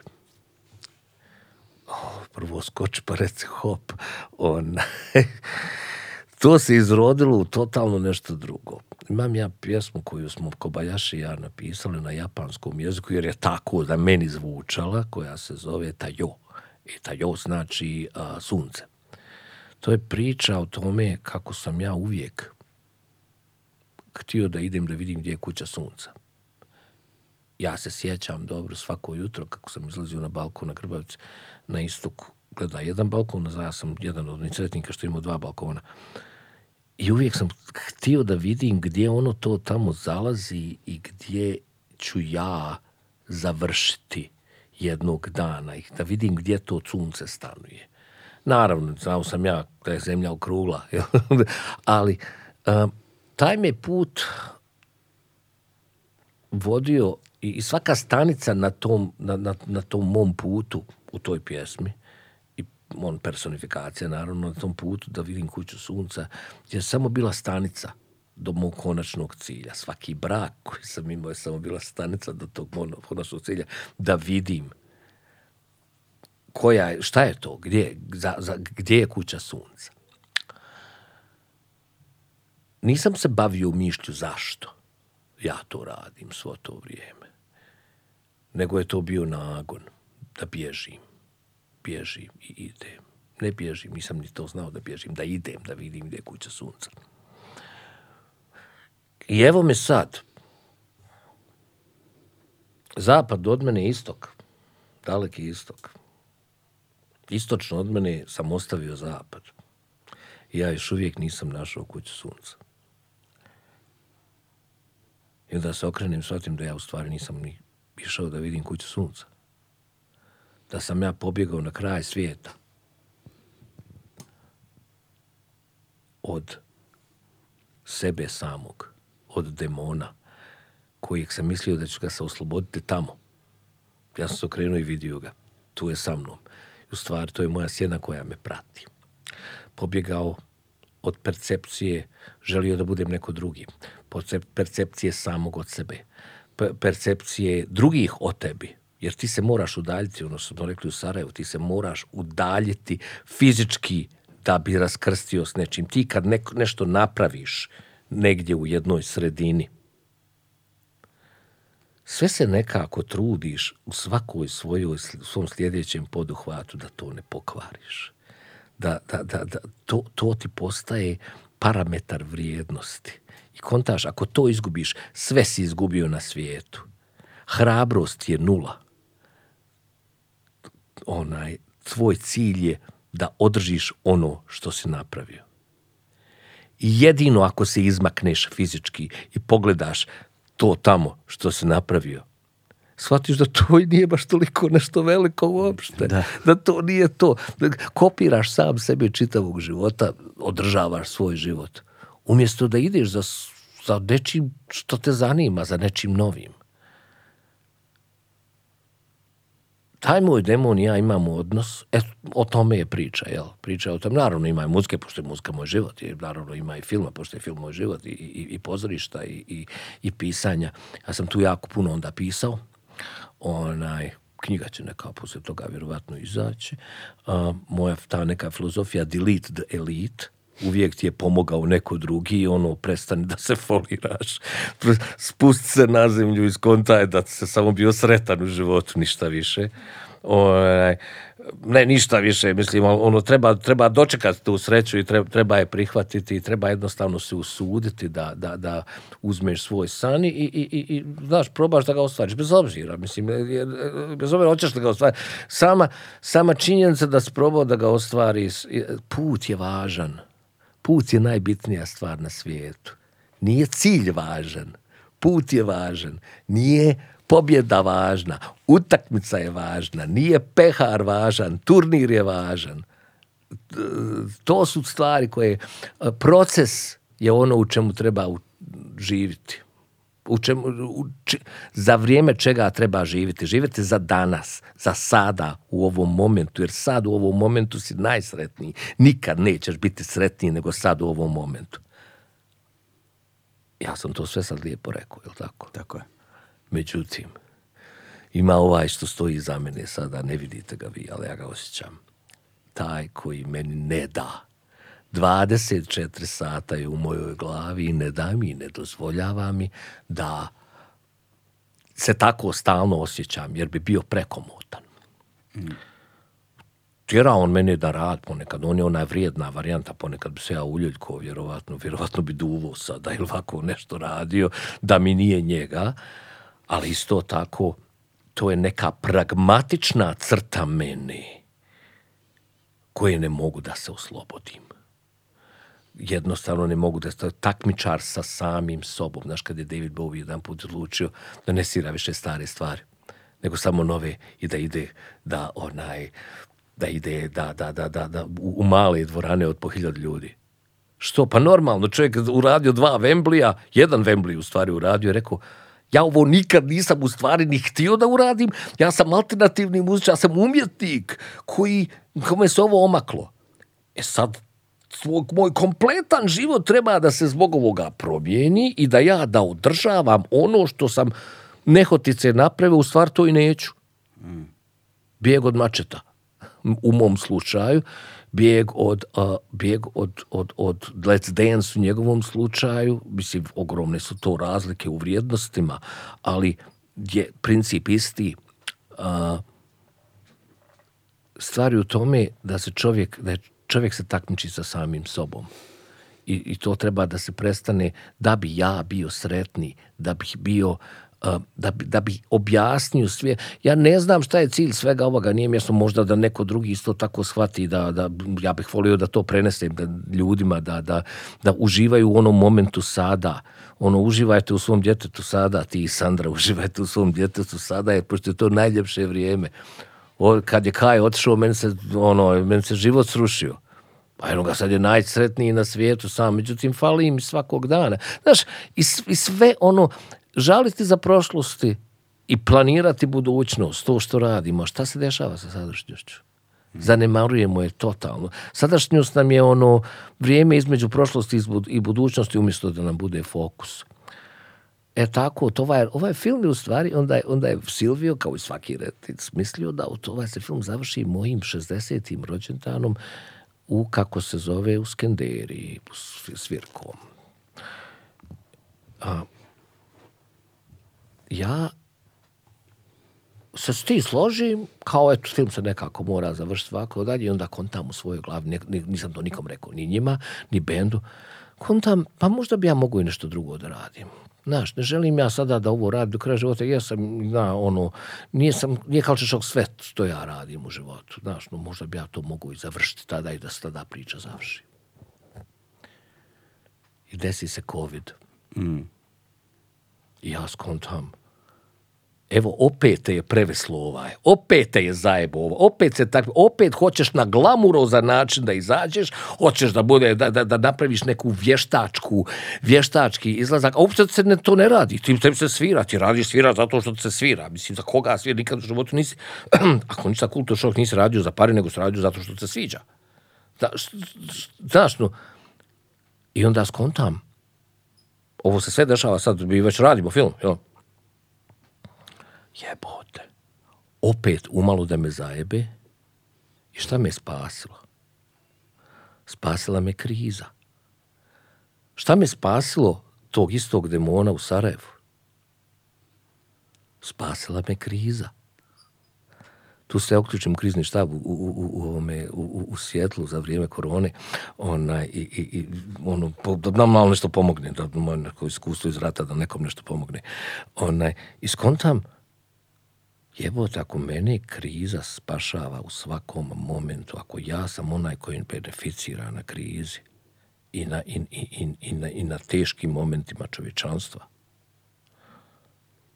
ko je ovdje demon? Da. Mm. E, o tome je film. To je pogled u ogledalo. Da. Kada će film biti gotov? Pa mislim da su gotovi sa mnogim stvarima. Evo sad smo, ja sam sad našao upravo ovaj intervju sa, sa ovom, sa, sa Kristijanom Ampur uh, a, na CNN-u.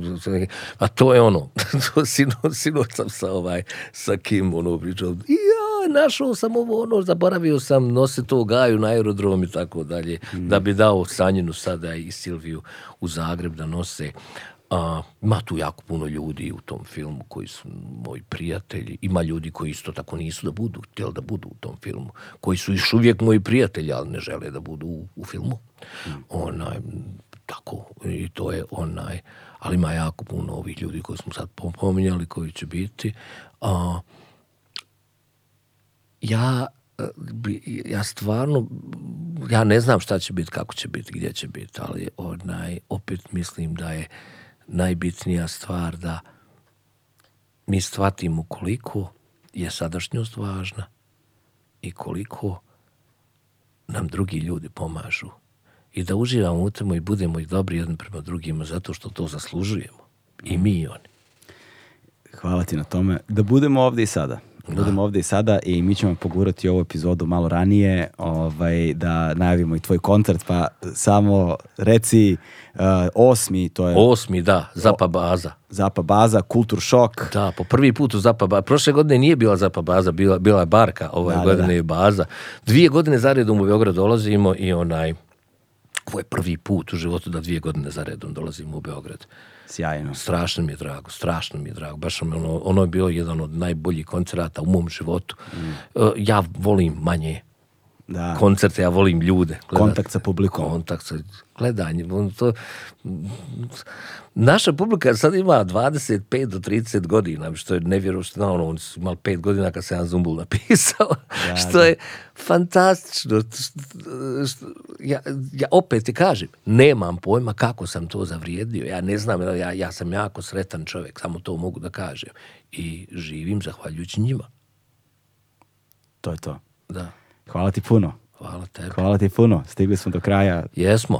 i to je to. Uh, novi single, Da, novi single, pa pomenuli smo, Da, ga, da. pomenuli smo ga sada. Ovaj, to je to, nemam što više da dodamo. Hvala vam puno, hvala tebi. A, ni- nisam na to, izvinjavam se. Mi ćemo onaj... a, mislio sam na Alternative Tentacles. A, Alternative Tentacles. Yes, na mi rekao, si mi da, rekao, da, rekao da, si mi da, hoćeš da Jello to- to- Biafra. to, Jello Bi- Jello Biafra, da. Jes, pa možeš ti to kombinovati.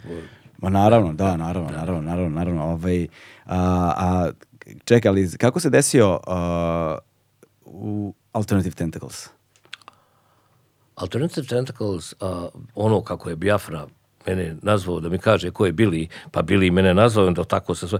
E, od tada Bi- Biafra nikad više nije dao Biliju da zaboravi kako je, e, šta si ti za mene napravio, vidi što sam ja tebi napravio, hajde, šta si ti, voliš li ti mene koliko ti ja tebe volim, da, I sad mi smo tu u vezi stalno, Biafra ja, pričamo o politici, svaki, svak, čujemo se vrlo, vrlo često, jel? I za vrijeme covida, ono, kako ti je mama, njegova je, njegova je 93, mojoj je 88, dobro, kako je tvoja mama, covid. A kaže, podsjeti me, što kaže, vi nikad za nas ništa niste izdali? Kažem, ne znam. Pa jel kaže štampate vinile? Pa kažem ne štampamo druže, ne, mo- ne možemo i stići sada to osam mjeseci, to treba i distribucija i za vinile, a to je jako skupo, ono, mi smo alternativni band. Mi samo radimo ono sad momentalno digitalno i ono nešto CD-ova. Pa kaže mi ćemo štampat vinile, hoćemo, kaže, zajedno radimo. Kažem ja hoćemo, eto, tako bi.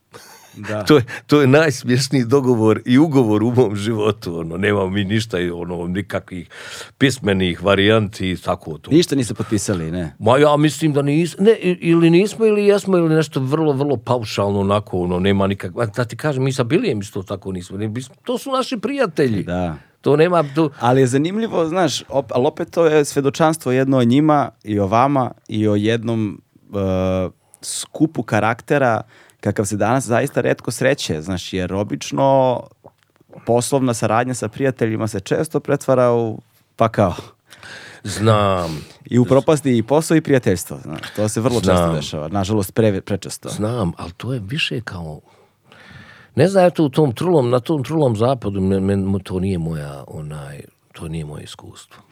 Ovde je to iskustvo mnogih mojih prijatelja, da se prijateljstvo uništi poslovnu saradnju. Možda zato što jedni od drugih očekuju previše, a ovde niko ni od kog ništa ne očekuje.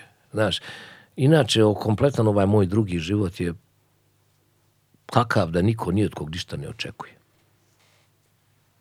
Da.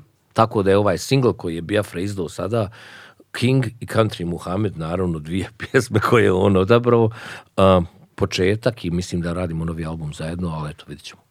Sjajno, nevjerovatno. Ta energija, taj entuzijazam, znaš, koji se ne zaustavlja, to je valjda svjedočanstvo da radiš ono što zapravo voliš i Da, izašao prije neki dan isto tako, tako da donosimo sa sobom vinile, E. male singlice. Singlice, wow, to moram da imam. Plava. Da, da.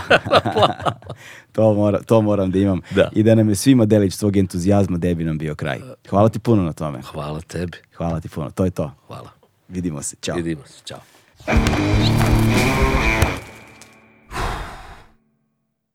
Hmm.